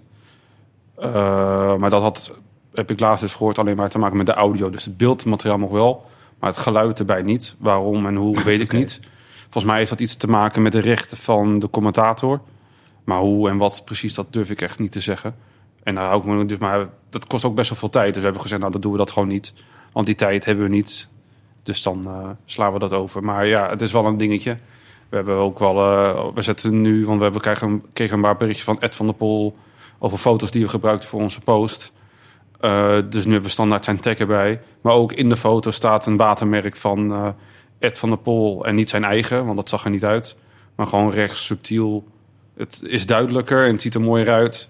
En sinds dat moment dan vond hij het geen probleem meer. Want is dat voor hem oké? Als je hem maar Ja. noemt, dan mag je alle foto's gebruiken? Nou, hij heeft, we hebben daar nooit eigenlijk een gesprek over gehad. Hij zei altijd, hij stuurde altijd een emoticon met een, eh, een foto of een camera. En dan puntje, puntje, puntje. Dus dan weet je genoeg. Hij wil gewoon credits voor die foto. ik, ik heb hem eh, ook ooit eens eh, gevraagd eh, om die foto van, eh nou, dat is een bekende foto van AZ Ajax, van die goal. En mijn schoonmoeder die eh, wilde dat naschilderen voor dus die heeft een schilderij gemaakt van die foto. Vond hij ook Mag goed. dat? Hoefden we geen Ed van de Pol Nee. bij te zetten. Geen watermerkje? Nee. Nee, maar ik snap het ook wel. Hij had ook een keertje gereageerd van... Ja, als jij eh, naar de bakker gaat, eh, je koopt een brood, moet je ook betalen. Maar ik vind het... Ja, het is een beetje lullig, zeg maar. Met foto's vind ik dat toch echt wel anders. Want als jij gewoon door naar de algemene voorwaarden van Instagram of Twitter gaat... dan lees je gewoon alles wat op social media op hun platform geplaatst wordt... mag je hergebruiken. Dus ja, zo makkelijk is het. Dus ik weet, eh, zo, dat, ik snap het probleem niet altijd helemaal. Want je mag het gewoon eh, weer op hetzelfde platform uploaden. Ja. En dat doen wij ook. Wij gebruiken foto's die op de social media al staan. Eh, Het is niet dat wij in zijn databank eh, dan zijn eh, watermerk weg sho- photoshoppen om het dan te posten. Want hij heeft natuurlijk zijn eigen databank op edvandepol.nl. Dat is niet het geval. En wij hebben in het begin, hij zit ook aangesloten volgens mij bij zo'n fotograafplatform waar je eigenlijk alle foto's van alle fotografen kan krijgen. Hadden wij gewoon een abonnement van. En dat wist hij niet. Dus hij zei van ja, je betaalt er niet voor, betalen we wel voor. Alleen hebben we niet tegen hem gezegd. En hij, hij kan dat niet controleren. Ja, dat is natuurlijk. eh, ik denk dan, ik ga daar niet in discussie, heb ik helemaal geen zin in. Dus ik eh, geef gewoon die credits en eh die KU, dat zal allemaal wel. Eh, ik sta er altijd meestal boven bij zulke dingetjes. Ik heb nooit zin om een, een discussie te gaan, want dat kost, het is hobby en het moet leuk blijven. Ja, nou in theorie, als AZ het echt hard wil spelen, zouden ze bijvoorbeeld met een advocaat kunnen dreigen. Ja, weer een beetje uit de oude doos, maar bij de AZ advocaat, fanpage. Ja, is jullie dat- ook het logo, hè? Toch? Eh, Ja, dat? toen Ja. eh, kwam Willem Zuilmans, de persvoorlichter destijds van AZ, kwam met eh, ja, een dreigbrief van jullie mogen het AZ-logo niet gebruiken. En als dat niet binnen deze termijn wordt verwijderd, dan dit, dit, dit. Ja, dat, ik, eh, was toen 13 of zo. Ja, dan denk je ook, wat Ja, is dit, wat- joh? Wat, exact. ja, dan schrik je ook. Maar dat zijn gewoon manieren om je eh, te beïnvloeden. En dit zijn nou wel net de enige puntjes eh, waarbij AZ misschien invloed zou kunnen Ja, hebben zeker, op zeker. jullie content. Wij hebben bijvoorbeeld het AZ Alerts logo, die bestaat uit de letters van AZ. Dus dat rood-witte vak van Oh, ja. AZ, dat is weg. Hebben we alleen die letters en hebben we het alarmpje van Alert eh, erboven geplakt. Ja, technisch gezien zou dat misschien ook wel, eh, geen idee. Alleen ik wil er wel altijd bij vermelden dat wij geen commerciële... We hebben geen ads op onze, eh, op onze website. Eh, alles is gratis, ook alle teksten. We hadden het ook gewoon achter een betaalmuur kunnen zetten... en daar geld aan kunnen verdienen, merchandise maken... Uh, Maar dat doen we expres niet, want we willen juist een soort van... We hebben expres een platform gecreëerd waar AZ-fans met elkaar kunnen discussiëren. Met het uiteindelijke doel enthousiasmeren. En je ziet ook gewoon hoe vaak wij berichten krijgen over kaartverkoop. En beantwoorden dat ticketverkoop echt dusdanig omhoog is gegaan. Vooral bij uitwedstrijden. En ook eh, wel bij normale wedstrijden. Dat het echt wel meehelpt. Om Ja. mensen toch wel te laten gaan. Of net niet. De twijfelaars, zeg Straks maar. krijg je ook nog eh, alle shit over je heen die, eh, die normaal naar AZ hoort, weet je wel. Maar. Waarom is de prijs van een broodje kroket nou weer eh, duurder geworden? Ja, dat of, zeg jij toch ook altijd? Waarom zijn er zoveel dagjes mensen? Ja. Vroeger in de begintijd dat mensen e-mail niet snapten. Dat, eh, ja, dan dachten ze dat er één e-mailadres was voor iedereen die bij AZ betrokken is. Ja. Ja. Maar ja, dus eh, nee, wat ik al zei, wij, dat zei ook tegen AZ als er iets is. Je hebt mijn nummer, bel gewoon en dan spreken we het uit of er komt een oplossing of wat dan ook. Maar ga niet achter mensen hun rug om praten en dat geldt met alles. Als iemand een probleem met het account heeft, nou, stuur een berichtje, stuur een mail, telefoonnummer. We reageren altijd en eh, dan lossen we het op. Maar dat eh, gebeurt eh, niet. Of ze durven het niet, of het bevalt. Dus ik ga uit van het laatste, altijd van het positieve. Ehm, wat, eh, wat willen we meer zien in eh, 2023? Hadden we staan eh, kampioenskansen. Ja, jij had daar eh, iets over gelezen. Althans, in de Nou auto ja. hier naartoe eh, eh, vond ik je behoorlijk eh, Het begint wel positief een beetje, gestemd. eh, nou, dat niet. Nee, ja, weet je, dit verhaal kan je natuurlijk... eh, hebben we de afgelopen 25 jaar wel 6, 7, 8 keer kunnen zeggen in de winststop of zo. Maar ehm, de theorie was een beetje dat de hele top 3 verzwakt. Trauner geblesseerd bij Feyenoord. Nou, PSV natuurlijk Gakpo kwijtgeraakt. Bij Ajax rommelt het eh, enorm. Eh, dat AZ Ook nu... nog Quinten Timber bij Feyenoord. Exact, ja. Dat AZ, zeg maar, hoe zeg je dat? als vierde hond met het been vandoor kan. Maar ja, ons voetbalverstand, Michael, die, die is al vaak genoeg bewier ook. dus we hebben Anthony nu aan tafel. Ik ben, ik ben wel benieuwd hoe serieus het nu is. Nou, wat mij betreft eh, zijn er echt wel mogelijkheden. Maar dan kijk ik vooral naar die dennenboom. En dan eh, hoop ik en denk ik echt wel dat het dit jaar de kans is om eh, de beker te winnen. Dat lijkt me echt wel leuk. Oh, ik denk, ik kijk naar die dennenboom. Ik denk, ik, Romano dennenboom of zo. Je doet dennenappel. Oh, dennenappel, ja. Excuus, excuus, excuus. Nee, ook, dit, ook dit komt mijn brein even niet aan. Hè? nee, nee ik, ik hoop en denk, en dat gevoel, dat is mijn gevoel, maar ja, mijn gevoel is soms net zo goed als die van Valentijn Driessen. eh, dat eh, we wel de beker kunnen pakken. Oké, maar dat vind ik dan wel vrij laag eh, gericht nog. Ja, omdat ik denk als Ajax zich boos gaat maken op de transfermarkt, dat er echt nog wel twee, drie versterkingen gaan komen. Deli Blind is daar weg, gaan ze vervangen voor halen. Er gaat sowieso nog wel een middenvelder en aanvallen daar komen, want ze kunnen natuurlijk niet, niet eerste worden met hun begroting. Dus we calculeren natuurlijk altijd Champions League in. Dus daar gaan ze ook alles voor doen om dat te behalen. En ik denk dat eh, PSV die kan niet het volledige bedrag van Gakpo investeren. Een groot deel moet naar eh, investeerders. Een deel gaat natuurlijk naar eh, Gakpo, zaakwaarnemer en andere partijen die erbij hoort. En dan gaat er nog een deel naar PC zelf. En dat gaan ze dan kunnen investeren, maar ook natuurlijk niet het volledige bedrag. Maar dan moet je ook nog maar hetzelfde kwaliteit naar binnen halen. En ik denk niet dat dat mogelijk is voor PSV. Dus die zijn iets verzwakt. En ik vind de verdediging van PSV ook niet zo sterk. Dus dat is ook wel een punt wat we Maar als, hebben. als ik je zo eh, beluister, zeg jij van... nou ja, we kunnen misschien wel leuk Ik denk tweede. worden... maar Tweede, Ajax kunnen we derde. niet achterhalen. Omdat Ik denk die, dat de eh, Ajax eh, inderdaad te goed gaat worden. Inderdaad, ze hebben natuurlijk nog wel Alfred Schreuder. Die maakt niet altijd de meest verstandige keuzes. Dat vind ik trouwens niet erg. Maar nee, ik verwacht niet dat wij eerste kunnen worden. Want we blijven toch ook wel AZ. En dan komt er, daarna komt er weer spanning en druk. En weet ik veel wat. En dan valt het weer in het water. Maar Dus in de eh, beker is dat de afgelopen jaren ook veel gebeurd. Dat, Zeker. Dat eh, ze juist niet een finale wonnen. Ja, dus- Vitesse was het, Feyenoord. Ja, kan me nog wel een. eh, dat was ook feestelijk. Gingen we naar eh, Willem II uit. Ik weet niet meer of het kwartfinale of halffinale was. Ik denk kwart.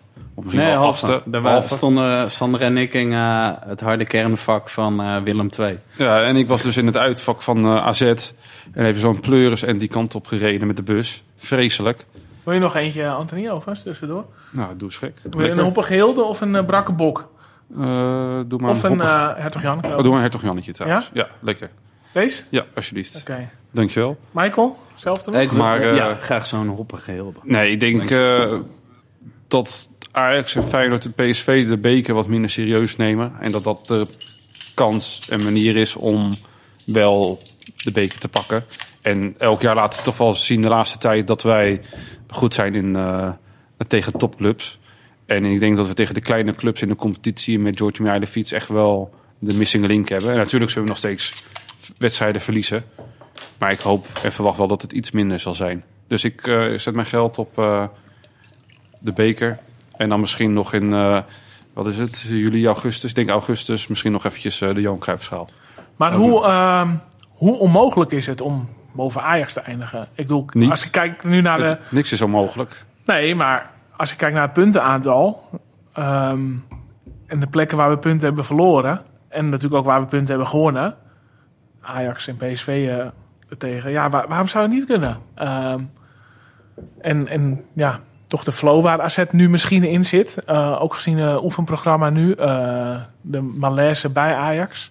Ik denk dat het echte topkwaliteit speler, dus echt top top, Bergwijn, nou, beetje als Gakpo, dat wij dat missen, dat het echt uit het niets. Natuurlijk hebben wij Carlson, alleen Carlson is gewoon iets minder dan Gakpo. En dat is net dat iets, dat verschil. En dan hebben zij nog meer. Dus wij hebben echt Carlson die echt top maar is. PSV heeft geen kap, Gakpo. Gak- Gakpo meer. Nee, maar dat hadden ze natuurlijk wel. Ja. Dus ik keek een beetje terug. Ja, oké. En ze toch een- staan we hoeveel punten achter op PSV? Nee, maar wij hebben een relatief goed seizoen. Of het gaat goed. En voor hen is het slecht. Dus laat staan als het straks goed gaat. Dus dat moet natuurlijk wel in perspectief blijven. En zij hebben natuurlijk ook nog een Sangaré. En eh, nog een, heel, een heleboel andere spelers die wat een hoger standaardniveau hebben. Dus als onze piek goed en hoog is, denk ik dat wij eh, inderdaad bovenin mee kunnen doen. En dus ik zet mijn geld op een tweede plek. Ja, ja nee, het is hartstikke mooi zo. Maar ja, dit is, dit is het onderbouwde verhaal. Wat, wat zegt jouw gevoel, Michael? Nou ja, als je kijkt naar 2019, toen we gedeeld eerste, Ja, of eigenlijk 1920. 2020, ehm, toen gold eigenlijk hetzelfde. Toen had Ajax, PSV, die hadden ook een ehm, hogere begroting. Op papier ook gewoon een sterkere selectie. En toen deed AZ ook tot de laatste speeldag mee om de koppositie. Eh 2009, heel andere situatie, Scheringa. Maar was het ook niet zo dat je een eh, hogere begroting eh, had. Dus eh, wonderen zijn mogelijk. Alleen, ja, ze zullen niet elk jaar plaatsvinden. Dus ehm, de kans is nog steeds klein dat AZ kampioen wordt. Maar die eerste seizoen zelfs, je zit wel in een lekkere uitgangspositie. Want je hebt veel blessures gehad. Je staat helemaal niet zo ver achter de koppositie.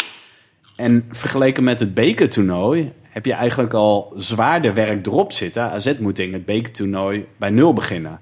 Nu in de competitie heb je vergeleken met vorig seizoen... heb je eigenlijk goede zaken gedaan. Je hebt ook nog een sterkere selectie als iedereen fit blijft. Dus dan denk ik dat ik eerder op de competitie zou inzetten dan op de beker. Wat toch heel erg afhankelijk is van ja, een paar momenten dat alles net goed valt. Maar ik denk juist dat AZ ehm, op papier er in de competitie eigenlijk relatief goed voor staat. wat me overigens nog opviel in dat interview ehm, met Eenhoorn bij FC Afkikken, wat ik net al noemde. Toen vroeg ze eh, de momenten dat je sportief het meest teleurgesteld was als directeur van AZ. Toen noemde hij de verloren bekerfinales. Dus misschien is dat voor hem eh, juist wel weer een belangrijke target. Dat dat toch nog wel eh, gevoelig ligt. Ja, maar hij gaat niet over de sportieve keuzes natuurlijk. Eh, nee, maar we, nee, nee. nou, wel, tegenwoordig Maar wel deels de hoor. Want als je bijvoorbeeld kijkt naar eh, Jens Otgaard... die is wel grotendeels ook naar AZ gekomen door Robert Eenhoorn. Die is? Robert Eenhoorn. Maar hoe bedoel je door? Dat Omdat heeft hij samen goed de met... eh, derde honk stelen, of niet? Exact. Nee, die is toen samen met Max Huibert naar Italië gegaan. En die heeft uren onderhandeld. Echt uren achter elkaar. Beuker in Sassuolo wou een nieuw contract aanbieden. Die wou dat hij bleef. Eh, diverse Italiaanse andere teams die wouden hem overnemen. Alleen Max Huiberts en Robert Eenhoorn, dus wel samen, maar ook wel Robert Eenhoorn te benoemen. want Dat vond ik echt ook wel opvallend. Dat is toch wel algemeen directeur. Die zijn er, eh, hebben er alles aan gedaan om deze kant op te halen. Want de Hmm. concurrentie was flink. En AZ heeft natuurlijk ook wel flink betaald voor AZ doen. Dus eh, ook wel credits naar hun. En die blijkbaar, ik kreeg een beetje het gevoel dat hij ook steeds vaker eh, eh, met deals betrokken wordt. Tuurlijk deed hij dat daarvoor ook, maar nu ook echt aan de onderhandelingstafel. En dat is een beetje begonnen bij de transfer van, of de poging tot transfer van Joey Veerman. Dat was de Mhm. eerste eh, onderhandelingen wat hij deed. Dus het- Hoe het- bijzonder is dat? Nou ja, ik kan niet echt over andere clubs oordelen. Maar volgens mij, eh, oké, het is dat bij Ajax eh, Mark Overmars wegging. Maar daarvoor deed volgens mij Van der Zoon nooit een onderhandeling. En ik, volgens mij doet ander- geen andere club het ook. Bij PSV deed ook John de Jong het. En daarvoor al die andere. Toon Gerbels heeft nooit met een eh, transfer onderhandeld. Ja, nu dan wel bij PSV. Eh, Marcel Brands ook, ook omdat weer John de Jong weg is. Maar in principe doet de algemeen directeur dat nooit. En blijkbaar voegt Robert Eenhoorn zich daar nu wel een beetje bij. En we hebben natuurlijk ook eh, nu de Kloesen erbij. Die heeft natuurlijk ook een gigantisch netwerk als ex-zaakwaarnemer of Ja. directeur van een kantoor. En eh, heeft een eigen club gehad, volgens mij was het Go Ahead. Dus ik denk wel dat dat trio, of eigenlijk kwartet, want eh, Michael Kossen voor alle sponsoring en sponsoring en de business seats, et cetera, skyboxen, dat dat echt wel een mooi team is met elkaar. En wat Robert Eenhoorn in het interview bij FC Afkikken ook benoemt, is dat als jij bepaalde kennis niet in pacht hebt, dat jij er zoveel moet zorgen om dat kennis bij aan te gaan trekken. En ik denk dat AZ daar uitstekend mee bezig is. Ja, hij zei ook in dat interview... Het wordt een soort recap van de FC Afkikken podcast. Maar hij zei in dat interview... eh, ja, het liefst eh, zou ik ook wat vaker willen verdwijnen. In de zin van dat juist het team het uit zichzelf kan doen. Maar dat staat een beetje haaks op dit verhaal... dat hij voor onderhandelingen eigenlijk Huiberts vervangt. Of, Ja, samen geval- vooral. Ja, Want je ziet Robert Eenhoorn, als je hem ziet... Ik heb hem een paar keer ehm, gezien eh, als ik door de gang liep bij AZ. Dat is echt wel een hele dominante man. Die komt, hij is volgens mij super lief. Ik heb hem nooit met hem ge- ge- gesproken of zo. Maar hij komt heel dominant over. Een beetje enger, bozig, hierar- hiërarchisch. Ja, dat komt ook wel bij een andere club eh, best wel dominant over. En ik, het zou me niks verbazen als ze met Max Huiber een soort van good guy, bad guy eh en- maar- handeltje doen bij transfers. En dan nog, het volgende En- wat je noemt met Odgaard... is natuurlijk niet echt een sportieve keuze van Eno... maar ik denk meer de financiële kant eh, van het verhaal. waar Maar ook het sportieve om hem echt over te halen. Want als zelfs de algemeen directeur komt om jou op te halen, dan willen ze je weer heel graag. Ja, Op zo'n manier komt dat denk ik een beetje over. Ja, ja, en ik herken wel wat je zegt hoor, over zijn, eh, zijn uitstraling en zijn image. Ik herinner me ook heel erg uit toen wij bij hem te gast waren eh, voor de podcast. dat hij zei van ja, weet je, op een gegeven moment zei hij wel in een bredere context hoor. Maar ja, het is maar Eredivisie, het is maar AZ, weet je wel. Ik heb echt op wereldniveau gespeeld bij de Yankees met honkbal. En dan is dit, ja, eh Ja, voor hem inderdaad. Maar bescheiden eigenlijk. als je fan bent en überhaupt supporter, AZ, heel veel mensen kijken wel tegen hem op. Ik denk dat heel veel jeugd hem niet zou durven aan te spreken, omdat hij toch wel Nee, precies, maar het, overkomt. geeft wel wat aan, eh, ja, hoe, eh, hoe zeg je dat? In, wat een leiderschap hij uitstraalt. Ja, ja, zeker. uitstralen en Zeker. hoe die dat onderbouwt zelf al. Van ja, joh, het is, dit is maar Sassuolo waar hij nu Mhm. aan tafel zit. Weet je? Ja, en hij heeft daardoor juist een uniek verhaal. Als relatieve buitenstaander denk ik dat hij juist naast de contractonderhandelingen heel goed zeg maar, het unieke AZ-verhaal, die aanpak, als club zijnde goed kan eh, uitleggen bij zo'n speler. Dus ik snap wel dat het eh, inderdaad een extra middel is. Nu nog naar een keeper, eh, zou ik zeggen. Ik hoop het. Ja, en ik zou wel een, dus ook een stuk geschreven op de website. Al eigenlijk een beetje de gehele selectie eh, doorgenomen. En het zou me ook niks verbazen als we een beetje vooruit gaan denken. Dus bijvoorbeeld een rechtsback of een rechter centrale verdediger. Eh, je hebt natuurlijk Sam Beukman, die staat in belangstelling voor Atalanta en nog een paar andere Italiaanse ploegen. Yukinari Sukawara zit er al een tijdje. Dus zou me ook niks verbazen er daar een keertje interesse voor komt. Pantas eigenlijk deze zomer al vertrekken. Nou, kwam geen mooie club voor hem, dus die blijf, blijf, plakt er nog een jaar vast. Maar ja, nu zal hij dan toch wel een keertje gaan uh. Dus het zou me niks verbazen of, of ze daarop gaan anticiperen. Het is natuurlijk niet mijn main priority. Alleen, je ziet zo bij zo'n kerkers, die wint een half jaar. En dan staat hij er wel sneller dan verwacht natuurlijk. Uh, maar dat ze zo'n soort traject gaan doen, dat zou ik niet uitsluiten. Nee. Heb ik geen aanwijzing voor, maar dat is meer gaan- gevoel. We gaan nu vrij eh, organisch, eh, dankjewel Anthony, naar eh, ons volgende onderwerp. Namelijk een beetje ja, technische beleid. Hè? Waarbij we ook weer natuurlijk de pijler van wat willen we meer in 2023. En je noemde net Otkaart al. Ik wil eigenlijk wel een beetje over de aankopen hebben. Maar eh, ehm, ja, ook over Jansen. Want zeven maanden geleden zaten we hier, of nou niet hier, maar wel in Alkmaar.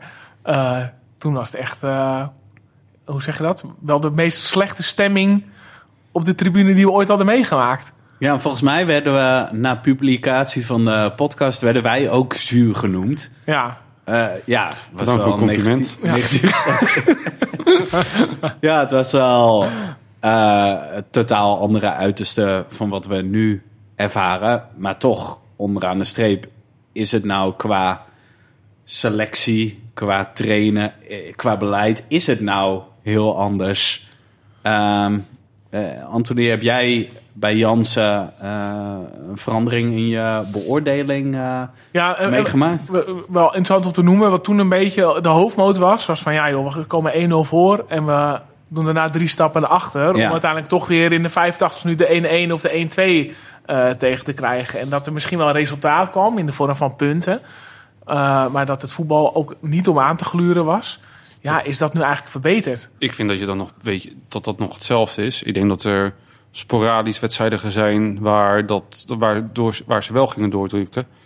Eh, Ik denk bijvoorbeeld, qua uitslag was het dan niet doordrukken, maar qua spel wel FC Utrecht uit dit seizoen. Daar vond ik misschien wel een van de beste wedstrijden van het seizoen spelen. Daar heb ik echt genoten, ook van Bazoer. Die speelde toen ook echt weergeloos toen hij erin kwam. Eh Dundee United thuis, volgens mij was het 7-0, 7-1. Ja. Daar gingen ze er ook op en over. Maar daarna, hoeveel wedstrijden nou zijn er nou geweest waar je de volgas overheen bent gegaan, terwijl het kon? Ja, dus En je zeg ziet- jij, hè, want Je ziet hoe belangrijk doelsaldo is. Kijk, 2019, 2022, eh, 2020. Daar zo zijn we uiteindelijk op doelsaldo het verloren. Waarom zou je niet door willen gaan? Je wilt toch met een zo lekker mogelijk gevoel eh, de winterstop in. En wat me wel opviel eh, tijdens de laatste twee oefenwedstrijden... is dat, ze, dat de werk, het gemiddelde werklust wat in de wedstrijd zat van AZ... in beide wedstrijden hoger is dan dat ik nu in de competitie heb gezien. ja, dat Valencia, ja, Atalanta. e- Exact. En dat beviel me wel enorm. Ja, want En dat- destijds was, was eigenlijk jouw conclusie. Jansen en AZ is een mismatch. Ja, maar ik, dat, dat vind ik nog steeds wel een beetje. Ja, ik denk dat er nog meer uit te halen, uit de selectie te halen valt als dat er nu wordt gedaan. Maar ja, er is ook een gebrek aan wie dan wel. En heel veel mensen zijn ook niet op de markt die het misschien wel kunnen. Iemand die het misschien zou kunnen is Peter Bos. Die is aanvallend weer ijzersterk, maar verdedigend. Ook weer twijfelt hij is niet echt een prijzenpakker, maar wel een doelpuntenmachine. Ja, eh, je had de beste in huis en dat was natuurlijk Arne Slot. Ja, Maar eh, ja, we zullen het daar maar niet over hebben. nee. ja, ik sta er iets anders in. Want jij wil echt heel graag dat ze dan eh, doorlopen naar 4-5-6-0. Ja, weet je, wat mij betreft... eh, Als het kan. Ja, maar ik vind Maar dat, die drie dat, punten dat ligt per eh, prima. wedstrijd. Dat moet je een beetje aanvoelen, vind ik. En Ja. er zijn genoeg wedstrijden geweest waar het wel kon. En dan gaan ze toch achteruit lopen. En een voorbeeldje, niet, niet eh, AZ, maar Nederlands elftal. Nederland-Argentinië. Je maakt die 2-2. Mentaal waren die Argentijnen helemaal kapot en eraf. En je gaat achteruit lopen. Precies, precies wat AZ deed. En niet omdat Nederland niet meer kon. Maar ze wouden gewoon ademhappen en doorgaan. En dan voor die penalties. Maar als je gewoon hetzelfde spelletje speelt, ben ik er heilig van overtuigd dat jij nog genoeg kansen had om hem in de verlenging eh, naar binnen te halen. Maar er zit wel heel erg een aanname in. eh, als je het wil, dan kan het ook. Als je wil Je moet sowieso om te winnen met 5-0, dan win je ook met 5-0. Maar Je- je is moet- het echt een bewuste keuze om gas eraf te halen? Het kan ook zo zijn dat, dat... zie je vaak wel aan de zijkant. Als je kijkt naar Pascal Jansen, dan zie je gewoon... Hey, jongens, eh, nu terug en dan op de counter spelen. Zie je aan zijn lichaamshouding, aan zijn beweging... en hoe je ziet wat als hij de spelers instrueert. Ik zit wel eens op de businesskant en dan hoor je hem coachen... en dan hoor je dat ook gewoon soms. Maar, eh, Jongens, nu terug en dan gaan we er straks wel overheen. Dan gaan ze het meer op momenten doen in plaats van constant. En je zag bijvoorbeeld, eh, er zijn ook genoeg voorbeelden, ook bij Arne Slot toen de tijd, dat ze dan eh, bij Sparta 4 naar achter staan. Natuurlijk zijn er ook bijzondere momenten met Bizot, et cetera. Maar we ook een bewustzijn van, oh, we doen nu rustig aan, gaan we energie besparen. Alleen als je lekker in een bepaalde flow zit, geeft dat ook weer energie. En dat zie je denk ik wel in het seizoen van Feyenoord, eh, dat ze de Conference League finale halen. Is als jij gewoon, gewoon in een lekkere flow zit, je maakt veel goals en je blijft daardoor winnen, dat dat energie geeft en dat je eigenlijk gewoon niet kapot te krijgen bent.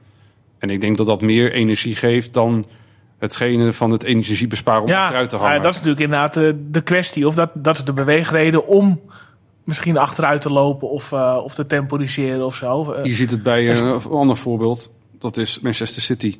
Die gaan ook nog 5, 6, 7, 0. Ja. Die kunnen ook achteruit hangen. ja, ik denk dat de manier voor AZ zou zijn, eigenlijk de 2009 manier. En op dat moment vond ik het eigenlijk best wel saai. Maar ja, het was altijd in de 9 minuten El Amdawi 1-0. En laat inderdaad maar komen. En dan was het in de 81ste minuut was het eh, Maarten Martens of Ari 2-0. Dat is en een beetje bijna- counteren. Ik denk dat we de helft van de wedstrijd met 2-0 hebben dat was gewonnen niet dat seizoen. vol gas eroverheen. Dat was ook Nee. heel vaak tot 90 Heel minuten. gedoseerd. Maar Ja, maar zeggen ook dat- spannend. het- Niet Maar het moet, toch ook, het moet toch ook gedoseerd als je juist niet de, de selectiebreedte hebt. Het maar voetbal is natuurlijk ook heel erg veranderd vergeleken met toen. Ja, is nee, niet te maar, vergelijken met eh, nu en 12 jaar ja, terug. maar het is nog steeds 90 minuten. Je, moet nog steeds, je hebt nog steeds 11 man op het veld en een aantal bankzitters... waarbij je bank altijd minder sterk is dan die van Ajax, PSV, Feyenoord. En Zeker. dat is natuurlijk... eh, dat was destijds de reden om het op die manier aan te pakken. En ik denk dat als je inderdaad een gooi naar die toetel wil doen... ja, zou je toch gedoseerd moeten doen. Daar zit zeker wat in, maar daarom eh, heeft iedereen zijn mening. Dus dat is Ja. allemaal mooi. Ja, nee, maar ja, kijk, eh, hè, de, ik, ga, ik ben heel erg van de cijfertjes. Ja, Adriaan Sisselhuis uh, bewierookt. En die kon inderdaad met, eh, met 6-7-0 winnen de ene week. En de andere week s- 1-3 thuis verliezen van de RBC. Aan het eind van de streep leverde dat op zijn best een derde plek op.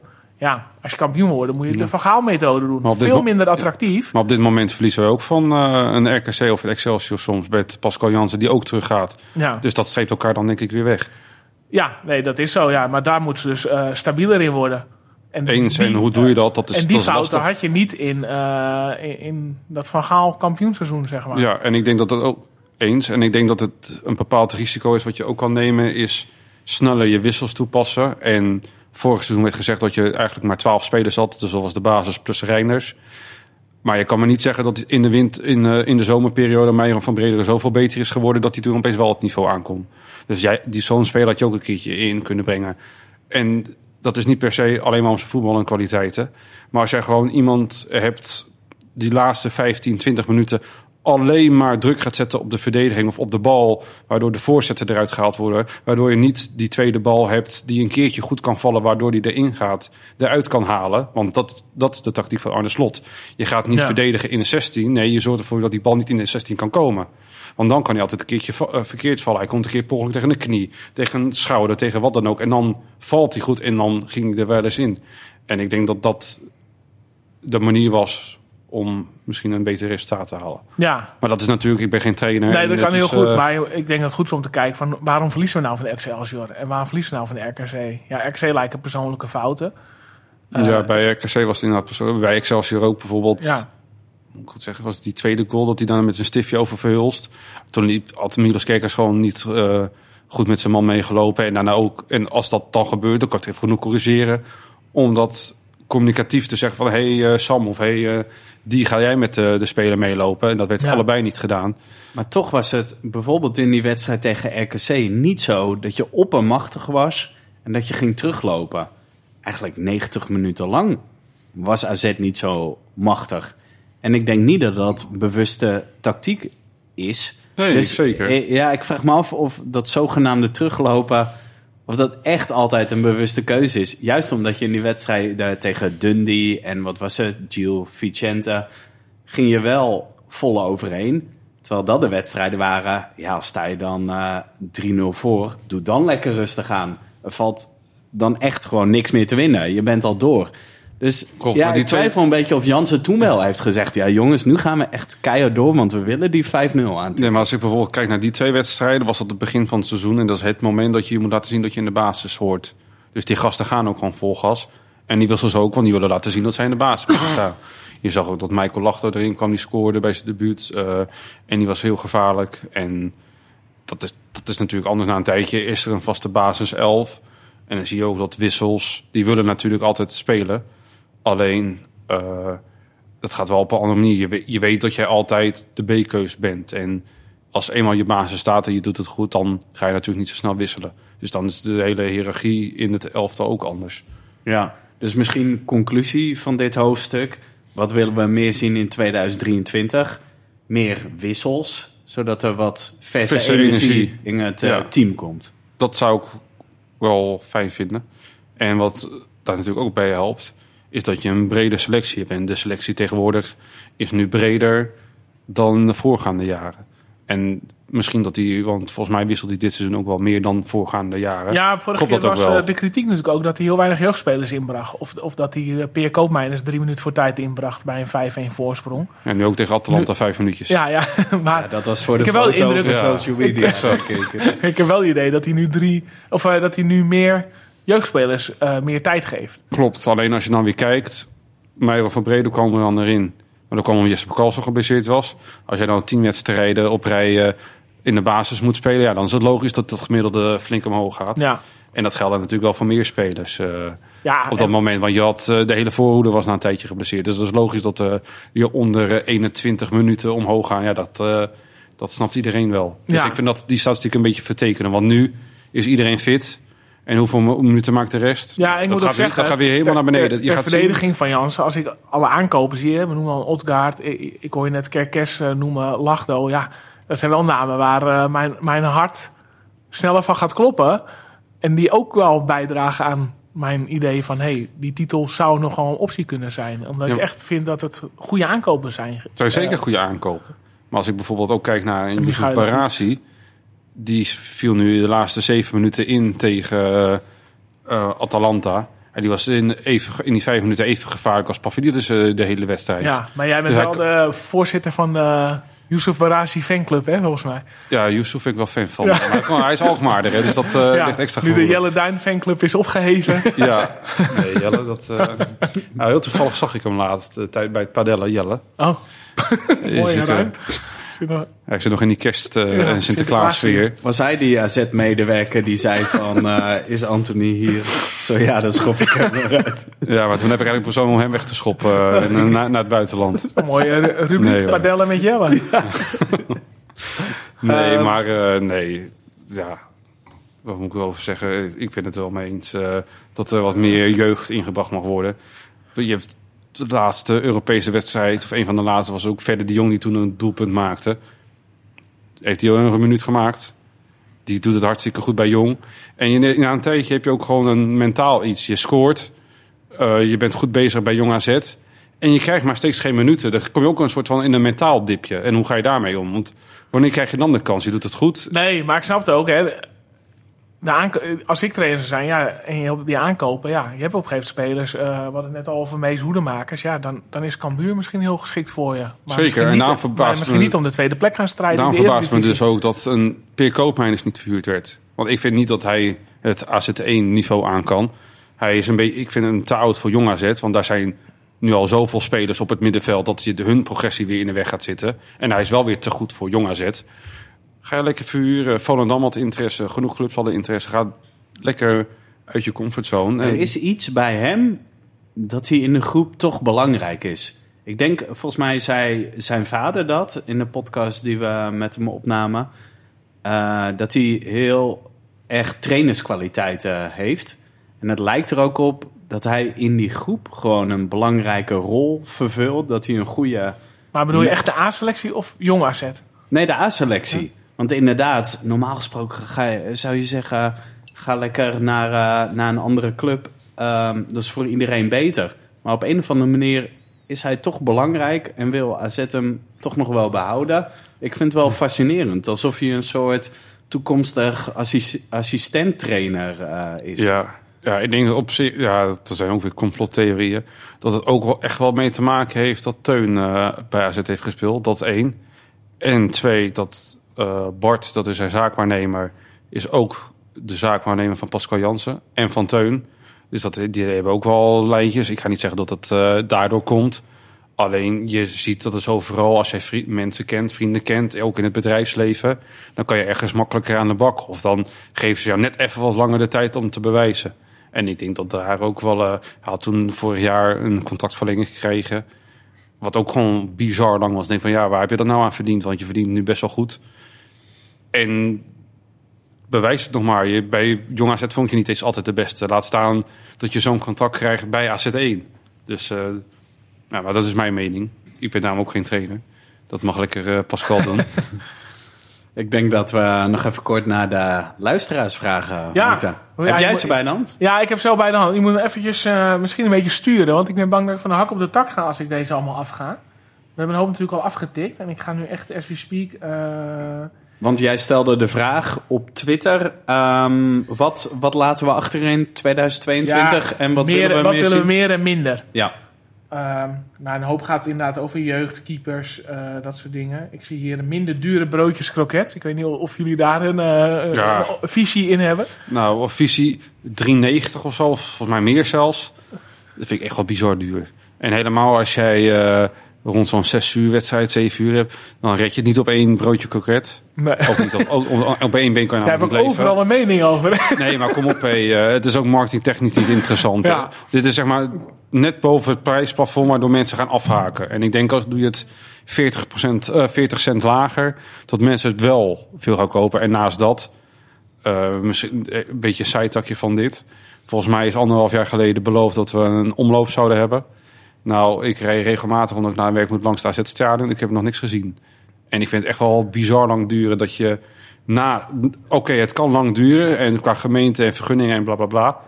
Maar je informeert alleen op de momenten wanneer die seizoenskaart Ja, verlengd we hebben worden. natuurlijk eh, allemaal kunnen doneren eraan. hè. Ja, we hebben- ja we hebben- twee jaar terug we hebben inmiddels. de 20, status is dat... 20 of 30.000 euro is gedoneerd, plus minus. En je informeert alleen op de momenten wanneer een seizoenskaart verlengd moet. Oh, dan moet het komen, bla bla bla. En hetzelfde geldt voor heel veel andere dingen. Dat, dus ze informeren pas wanneer er geld nodig is. En dat is voor een seizoenskaart verlengen of ticketverkoop of wat dan ook. En dat vind ik echt wel heel slecht. Ja, nee, dat was qua timing denk ik heel ongelukkig. Ja. Ik, eh, qua prijzen, tot slot, ik denk vooral dat ze de wedstrijdkaartjes eh, goedkoper moeten maken. Eens. Dat, daar schrik ik echt van. Seizoen- Als je iemand wil nou, meenemen, ik, dat je... Inderdaad, dat. Ik schrik er niet van, want ik vind het bij de beker en de Europese echt eh, dikke prima. Echt keurig. Alleen ja, als je in Maar als seizoenskaart, hè? naar een competitiewedstrijd is het Ja, maar verschrikkelijk. als seizoenskaart is het voordelig om iemand mee te nemen. Maar als Ja. je een loskaartje koopt, betaal je ook gewoon weer dezelfde Nee, ja, competitieprijzen. dat, dat weet ik niet, maar ik weet ook niet wat een broodje kroket kost. nee, Die koop ik maar ook nooit. als jij een seizoenskaart hebt, dan kan je vaak voor een bekerwedstrijd krijg je 50% korting. Dus als een normaal ticket Ja. eh, 15 euro is, betaal je dan gewoon 30 Ja, euro en die voor. eh, bekerwedstrijd, die paspartout is ja. altijd eh, in orde. Maar eh, ja, dat is populair. als maar ik inderdaad anders- bij een AZ FC Groningen een los kaartje wil kopen voor de competitie, ja, dat is echt eh, een hoofdprijs. Ik koop voor mijn ouders vaak een kaartje eh, tegen die wil vaak naar topclubs, een beetje successupporters. Die, eh dan ben je gewoon 45, 50 euro per kaartje kwijt. Ja. eh en vind ik echt wel veel geld. Ja, dat gaat hard, ja. ja. En dan moet je nog eh, parkeren, moet je nog eten, drinken. Helemaal met die broodjes kroket waar jullie net over hadden. ja. En dan tikt het aan hoor. Nou, Heinz, Heinz Kroket die zegt hij graag een knappe keeper. maar eh, ja, dan moet je Oscar Moens halen, denk ik, of zo. als, je, als het om een knappe keeper gaat. Aan- Aansprekende Europese tegenstanders op bezoek, zegt Jeroen. Villarreal, West Ham, Lazio, Fiorentina. Wacht OGC. even hoor. Bedoelt hij nou Dat we de loting moeten beïnvloeden? Ja, zoiets, ja, ja. Ja, ik heb wel connecties bij eh, mensen van de UEFA Ja. en ex. Dus we kunnen wel vragen voor warme balletjes. eh. Ja. ja, je hebt al warme contact in ieder geval. Eh Poel, ja, dit is weer een hele andere. Meer binding met jongeren. Zorgen voor een sfeervolle vak J. Ja, ik... eh, Nou, ik zou dat eh, koppelen aan die ticketprijzen. Ja. Dat het voor jongeren niet echt heel toegankelijk ja, is. maar Voor- J is volgens mij gewoon naast de uitvak. Ja, dat vind ik ook. Dat, vind- daar had ik heel toevallig eh, vandaag met iemand een discussie over. Waar moet je dat familievak doen? Want je wilt niet de fanatieke kern naast het uitvak hebben. Je wilt ook niet het, het J-vak, zeg maar, op de lange zijde. Want dat zijn te dure plekken en je wilt juist dat het betaalbaar is. Maar als het naast het uitvak is, dan krijgen ze ook weer regelmatig een bierdouche vanuit het uitvak. Dus het is eigenlijk best wel een lastig plekje, zeg maar. In alle stadions wordt het familievak als buffer gebruikt. Ja, maar dat is natuurlijk niet ideaal om... eh Nee. hey, welkom bij AZ. Je krijgt naast een leuke wedstrijd ook nog een gratis bierdouche. Ja, Goed voor je zelfs, haar. zelfs Nou, me- Volendam supporters. eh, Meestal gebeurt het ook niet hoor. Volgens mij was Volendam wel een uitzondering. ja. Ja, maar ook tegen Ajax en Feyenoord zo gebeurt het altijd. Dat zie je altijd wel. Gert het Hart, die zegt minder zuur doorgeslagen gezeik. Dat het bij AZ allemaal zo verschrikkelijk slecht geregeld is. Eh, ja, ik weet niet waar het precies over gaat. Misschien Ja, misschien bedoelt over de het... broodjes kroket. Ja, nee, of over de, hoe heet het, dat tunneltje of zo. Dat hoor je ook altijd, ja, iedereen. Ik, vind inderdaad, eh, ik hou ook niet van zuur gezeik, inderdaad. Nou, maar dat hebben we al heel je- vaak bedoeld. Je hebt altijd mensen die zeiken om het zeiken. qua voetbal. Meer aandacht voor spelelementen als passes, combinaties, onder de druk uitspelen, afjagen, storen. Maar dat gaat dan meer Ja. waar wij het over moeten hebben Ja. dan AZ zelf. Dylan Tamiri zegt meer podcasten. Nou, we doen ons best. En een betere Elke week AZ Alerts. Ja, min- minder combi's en minder biergooiers. Oké. Ja. Ja, wij hebben toevallig, want jij had het ook al benoemd. Op AZ Alerts hadden we een stuk geschreven over dat bier gooien. En dat was volgens mij de één na best bekeken artikel op onze website. Die was echt wel populair. Ook eh, qua delen op eh, Instagram en qua likes, et cetera. heeft hij het echt heel goed gedaan. Ja, Eh, willen jullie dus- meer of minder biergooiers? Ja. Ja, ik, ik had nog als comment geplaatst dat als je dan bier over hebt, geef het dan naar mij. Zo ben ik dan ook alweer. Ja. Die weet ook vaak gelijk, maar ik heb het nog niet ontvangen, helaas. Nou, zullen je, uh, Je weet me te zullen je vinden. beneden zitten volgende wedstrijd? Eh AZ Videoarchief. Ernst, onze oud-gast. Meer wedstrijden van Jong AZ in het stadion laten spelen. Eens. Oké, kan. Ja. Kan Ik- ook troosteloos uit gaan zien, hè? Ik weet nog, volgens mij was het een van de laatste wedstrijden in het echte stadion van Jong AZ tegen Telstar. Dat was echt een goed gevulde hoofdtribune. Vond ik echt een leuke ambiance. En ik ben nog met Jong AZ in het zuin geweest tegen Twente en tegen Ajax. En toen was alleen zeg maar, de businesskant open. En dat zat ook gewoon een paar duizend man. eh, Oké. Dus dat vond ik ook wel goed. En natuurlijk, ja, het geeft wel een beetje een troosteloze sfeer. Alleen heel veel mensen willen best wel heen, maar die hebben niet zin om helemaal naar Weidewormen te gaan. Maar nu, om het nu toch even over Jong AZ te hebben. 6 januari moeten ze tegen Heracles. Ik denk dat dat wel een leuke wedstrijd is om eh, naartoe te gaan. Eh, die staan volgens mij eerste nu. En die Ah, ja. doen het goed. En Jong AZ heeft echt een hele leuke trainer met Maarten Martens. Bij ons eh, in de podcast eh, noemen we dat het Martensbal. Wij zijn er heilig van overtuigd dat dat de vervanger wordt van Pascal Jansen als hij ooit bij AZ weggaat. Dus eh, nee, ik zou daar naartoe gaan als ik jullie was. En het kost 6 euro maar, dus ja, wat is 6 euro? Twee broodjes kroket. Nog geen. Minder rookt op de tribune, zegt ook Ernst. Het is wel een rookvrij stadion nu, dus eh, Ja, kennelijk wordt dat niet gehandhaafd. Meer van die geweldige sfeer op de vernieuwde bandsite. Nou, zal niemand het mee oneens zijn. Minder wangedrag tijdens uitwedstrijden. Eh nou, dus ook weinig... Jij bent vaak eh, ook regelmatig bij uitwedstrijden. Of tenminste, volgens mij vroeger meer dan nu. Maar heb jij daar vaak last van? Zie jij vaak ongeregeldheden? Nee. Nee, ik moet zeggen Ik dat vind- ik ben... Ik ga ook niet altijd heen. Ik denk mij- dat ik 7, 8, 7 uitwedstrijden per jaar pak. Ik zie eigenlijk zelden tot nooit eh, gedoe. Volgens mij, eh, vorig jaar bij Zwolle werd er eh, wat Ja, klopt. Want ik was die wedstrijd erna. En toen kwam dat eh, bierverbod bij ja, Sparta. Sparta uit. Ja, exact. Maar dat was, ging toen over een bus Nee. en wc's Nou, het ja, weet je, ik, ik durf ook mijn kinderen van eh 6 en 8 mee te nemen naar eh Ja, dat genoeg. Dus Ja, dat zijn wel echte hooligans die. ja, behoorlijk. Ja.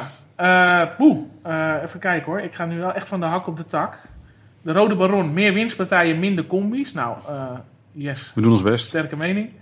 Eh, Karma zegt de complete scouting van de keepers naar een eiland sturen. Nou, mm, ik weet niet of jij intern dit kan regelen, Anthony. Maar Ik zal, nee, maar wat betreft scouting vaak qua keeper, volgens mij is dat gewoon de normale scouting met onze nieuwe hoofdscout. eh hoe heet onze vriend ook alweer?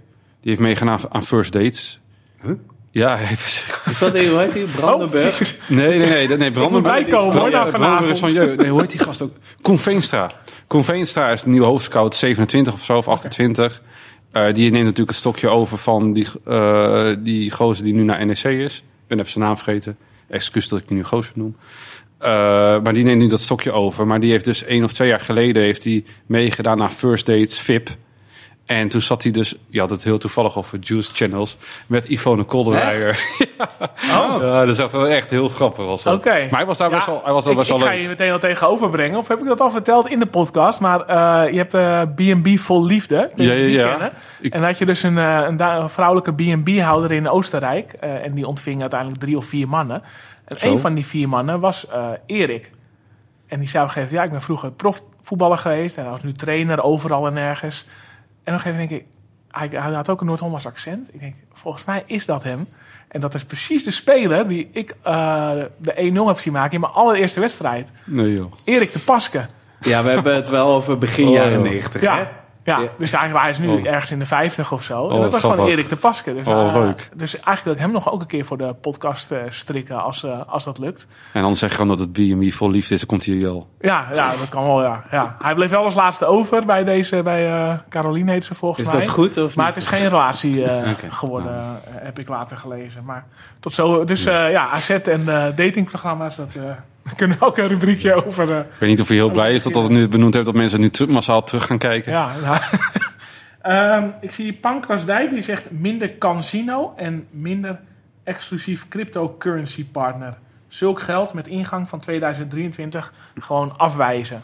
Ja, officieel is het vanaf 2025 Ja. verboden vanaf 1 januari dat eh casino op het eh, of Las ik, ja, het wordt over een paar jaar toch... al- Ja, en volgens mij, maar dan moeten jullie, dat weet ik niet helemaal zeker, volgens mij is de deal met casino tot 2026. Dus dat er één jaartje overlapping is. ja. En ik mag hopen dat ze bij AZ daar vooraf wel over nagedacht hebben hoe ze dat gaan oplossen. ja, dit was al eh, afgelopen zomer was dat al bekend. Ja, eh, daarom. Van, eh, En, Ik vind het wel mooi met Eenhoorn van data dit, data dat. Je moet er objectief naar kijken.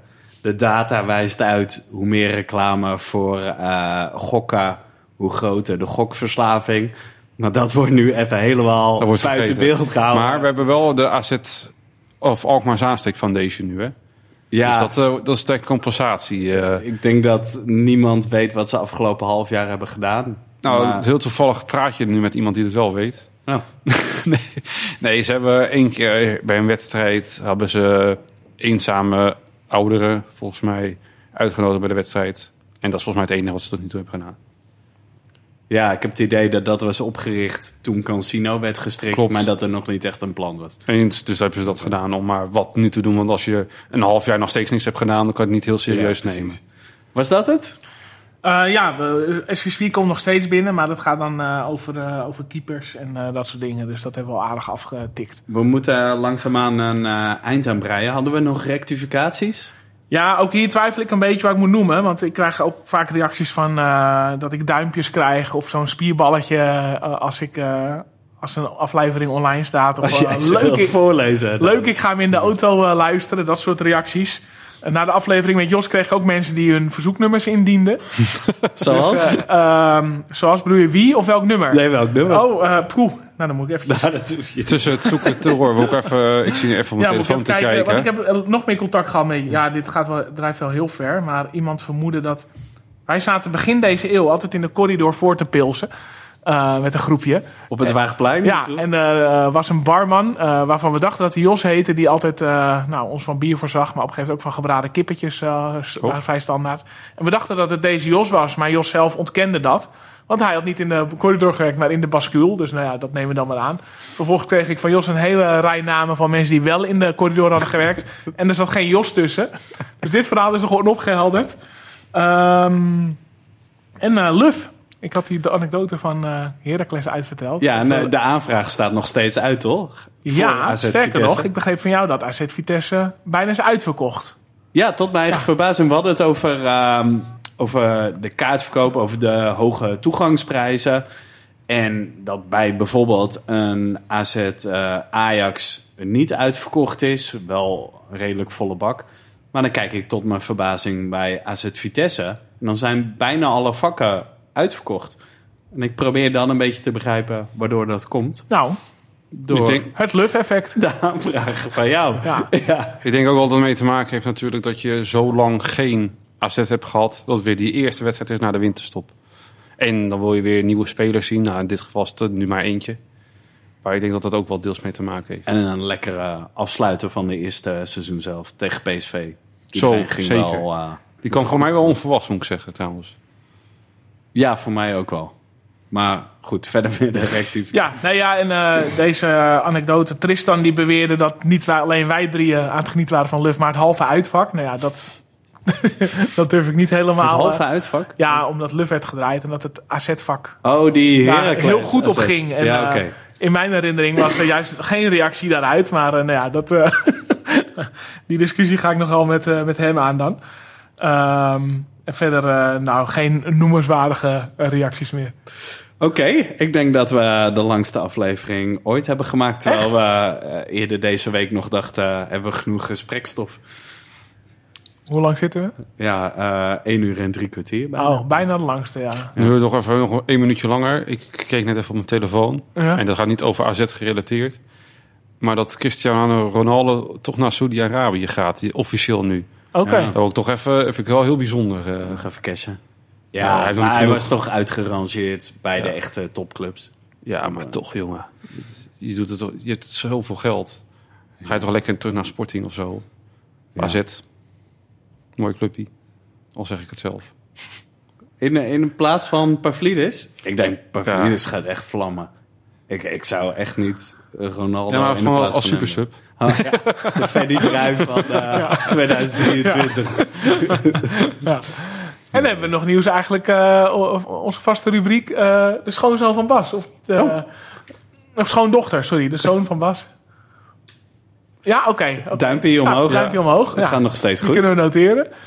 Mooi. Maar moeten we nog jouw vaste rubriek? Wat gaan we morgen doen eh, doornemen? Ja, nou ja, morgen is natuurlijk de 31ste, dus ik wilde eigenlijk wel weten van jullie, ja. Ja, vertel jij maar. Ik eh, ga naar Vriendencentrum Alkmaar, Winkelstraat. Hebben zij een eh, appartement eh, ergens boven een winkel. En daar gaan wij gezellig met z'n allen een klein huisfeestje houden. Zonder vuurwerk, want dat mag niet in de stad. Gaat dus wel gebeuren. En eh, ja, voor de rest gewoon lekker eh, een drankje doen. Hopelijk ik is mijn nek een misschien stukje niet heel goed geïnformeerd. Ik weet dat van Haarlem en Amsterdam en zo. Alkmaar is ook helemaal Ja, vuurwerk. in, het- in het binnenstad alleen. Oh, ja. binnenstad, oké. Ja, dus ik Ja. denk dat het hier wel mag. Maar echt, eh, ik denk, ja, we zitten nu dus op de Kennemer- Kennemerstraatweg. Vanaf de brug hier zo en dan de achter mag het niet meer. Dus echt wel centrum, centrum. En eh, ja, daar gaan we een paar eh, drankjes doen. En waarschijnlijk wordt het iets te veel. Maar ja, het mag hè. Leuk. Zeker. En jullie? Ja, ik woonde vorig jaar nog op de baan Singel. En daar stond op het kaartje van de gemeente letterlijk die rode streep. Dit is de grens. Het is natuurlijk ook eh, eh, de grens van de binnenstad. Dus ik wist niet of ik daar vuurwerk mocht Stuart afsteken. ernaast of niet? Maar nu woon ik in. Haarlem en daar is eh, een Helemaal, algeheel hè? vuurwerkverbod. De hele Dus, stad? Of alleen centrum? Nee, hele gemeente. Echt. Oh. Dus eh, daar mag je niks. Ehm, En dat betekent voor jou... eh ja, jij lijkt me niet het type dat anders... eh, Ik was niet heel heel, veel actief vuurwerk afsteken. Nee, met vrienden wel drankje doen. 1 januari hadden we altijd de traditie naar de Platstenenbrug. Is door corona een beetje verwaterd. Hebben we afgelopen twee jaar op het strand gestaan, omdat het ook lekker weer was. Daar een biertje doen, zelf meenemen. en het gaan we dit jaar weer doen, dus ik hoop dat het eh, droog blijft. Heb ik wel veel zin in. Wat ga jij doen? Maar wat doe je morgenavond dan? Of morgen Morgen thuis? nee, bij vrienden eh, in, In? Haarlem Oh ja. is dat. Dus eh, niet ver weg. En dan nieuwjaarsdag richting Alkmaar, waarschijnlijk Egmond. Oh ja. ja. Nee, ik, eh, ja, ik ga ook naar vrienden, maar gewoon in de loop van de avond pas. We eten thuis. En meestal probeer je altijd de mensen bij ons te krijgen. Omdat ja, we toch eh, drie hebben die naar bed moeten op een Ik gegeven wou het dus moment. net vragen, hoe ga je dat doen met de kinderen? Ja, die ga ik even in bed leggen om een uur of acht of negen. maar gaan die, gaan die dan niet stiekem om eh 12 uur eventjes... Ja, nee, die gaan er dan wel uit. We, zijn, we zijn morgen bij vrienden, dus Ja, eh, precies. die moeten even wat bedjes beschikbaar stellen. Maar ik heb niet de illusie dat er nou heel veel eh, echt geslapen wordt. maar zoals ik al in het begin al zei, eh, je moet een beetje een en ander door de vingers eh, leren zien. Dus dat wordt hem, ja, wel oliebol. Ik heb wel gisteren toch even, ja, ik, hoe zeg je dat? Ik heb een haat-liefde verhouding om met vuurwerk. Want ik zou het niet heel erg vinden als er op een gegeven moment een verbod komt. Of dat het gewoon publiek geregeld wordt. Maar nu nog kan, vind ik toch leuk om even één dingetje af te steken. En toch een paar fonteintjes voor die kinderen. Eh, maar dat, dat heeft ook mee te maken dat je weet, ja, over drie jaar kan het waarschijnlijk niet meer. Dus, eh, nou, dat. Ja, mooi. Ehm, inlezen in, eh, in de Bijbel voor volgende week Ja, gaan we weer eh, opnemen. Anthony, bedankt. Bedankt voor de uitnodiging. Eh, nog, eh, nog goede voornemens? Nee, gewoon lekker eh, een mooi tweede seizoen zelf van maken. En op persoonlijk gebied, ik heb een baan die ontzettend goed bevalt. Eh, nieuwe vast contract. Eh, van beide kanten superleuk, lekker dichtbij. Dus die trend ga ik lekker doorzetten. Lekker werken, genieten van, eh, het, alle, van het leven. Want leven is veel te kort. En eh, ja, gewoon lekker eh, je ding doen. Heel mooi. Sander, wij zien elkaar eh, volgende week. Ja, dan kunnen we echt zeggen tot in Alkmaar. Tot in Alkmaar.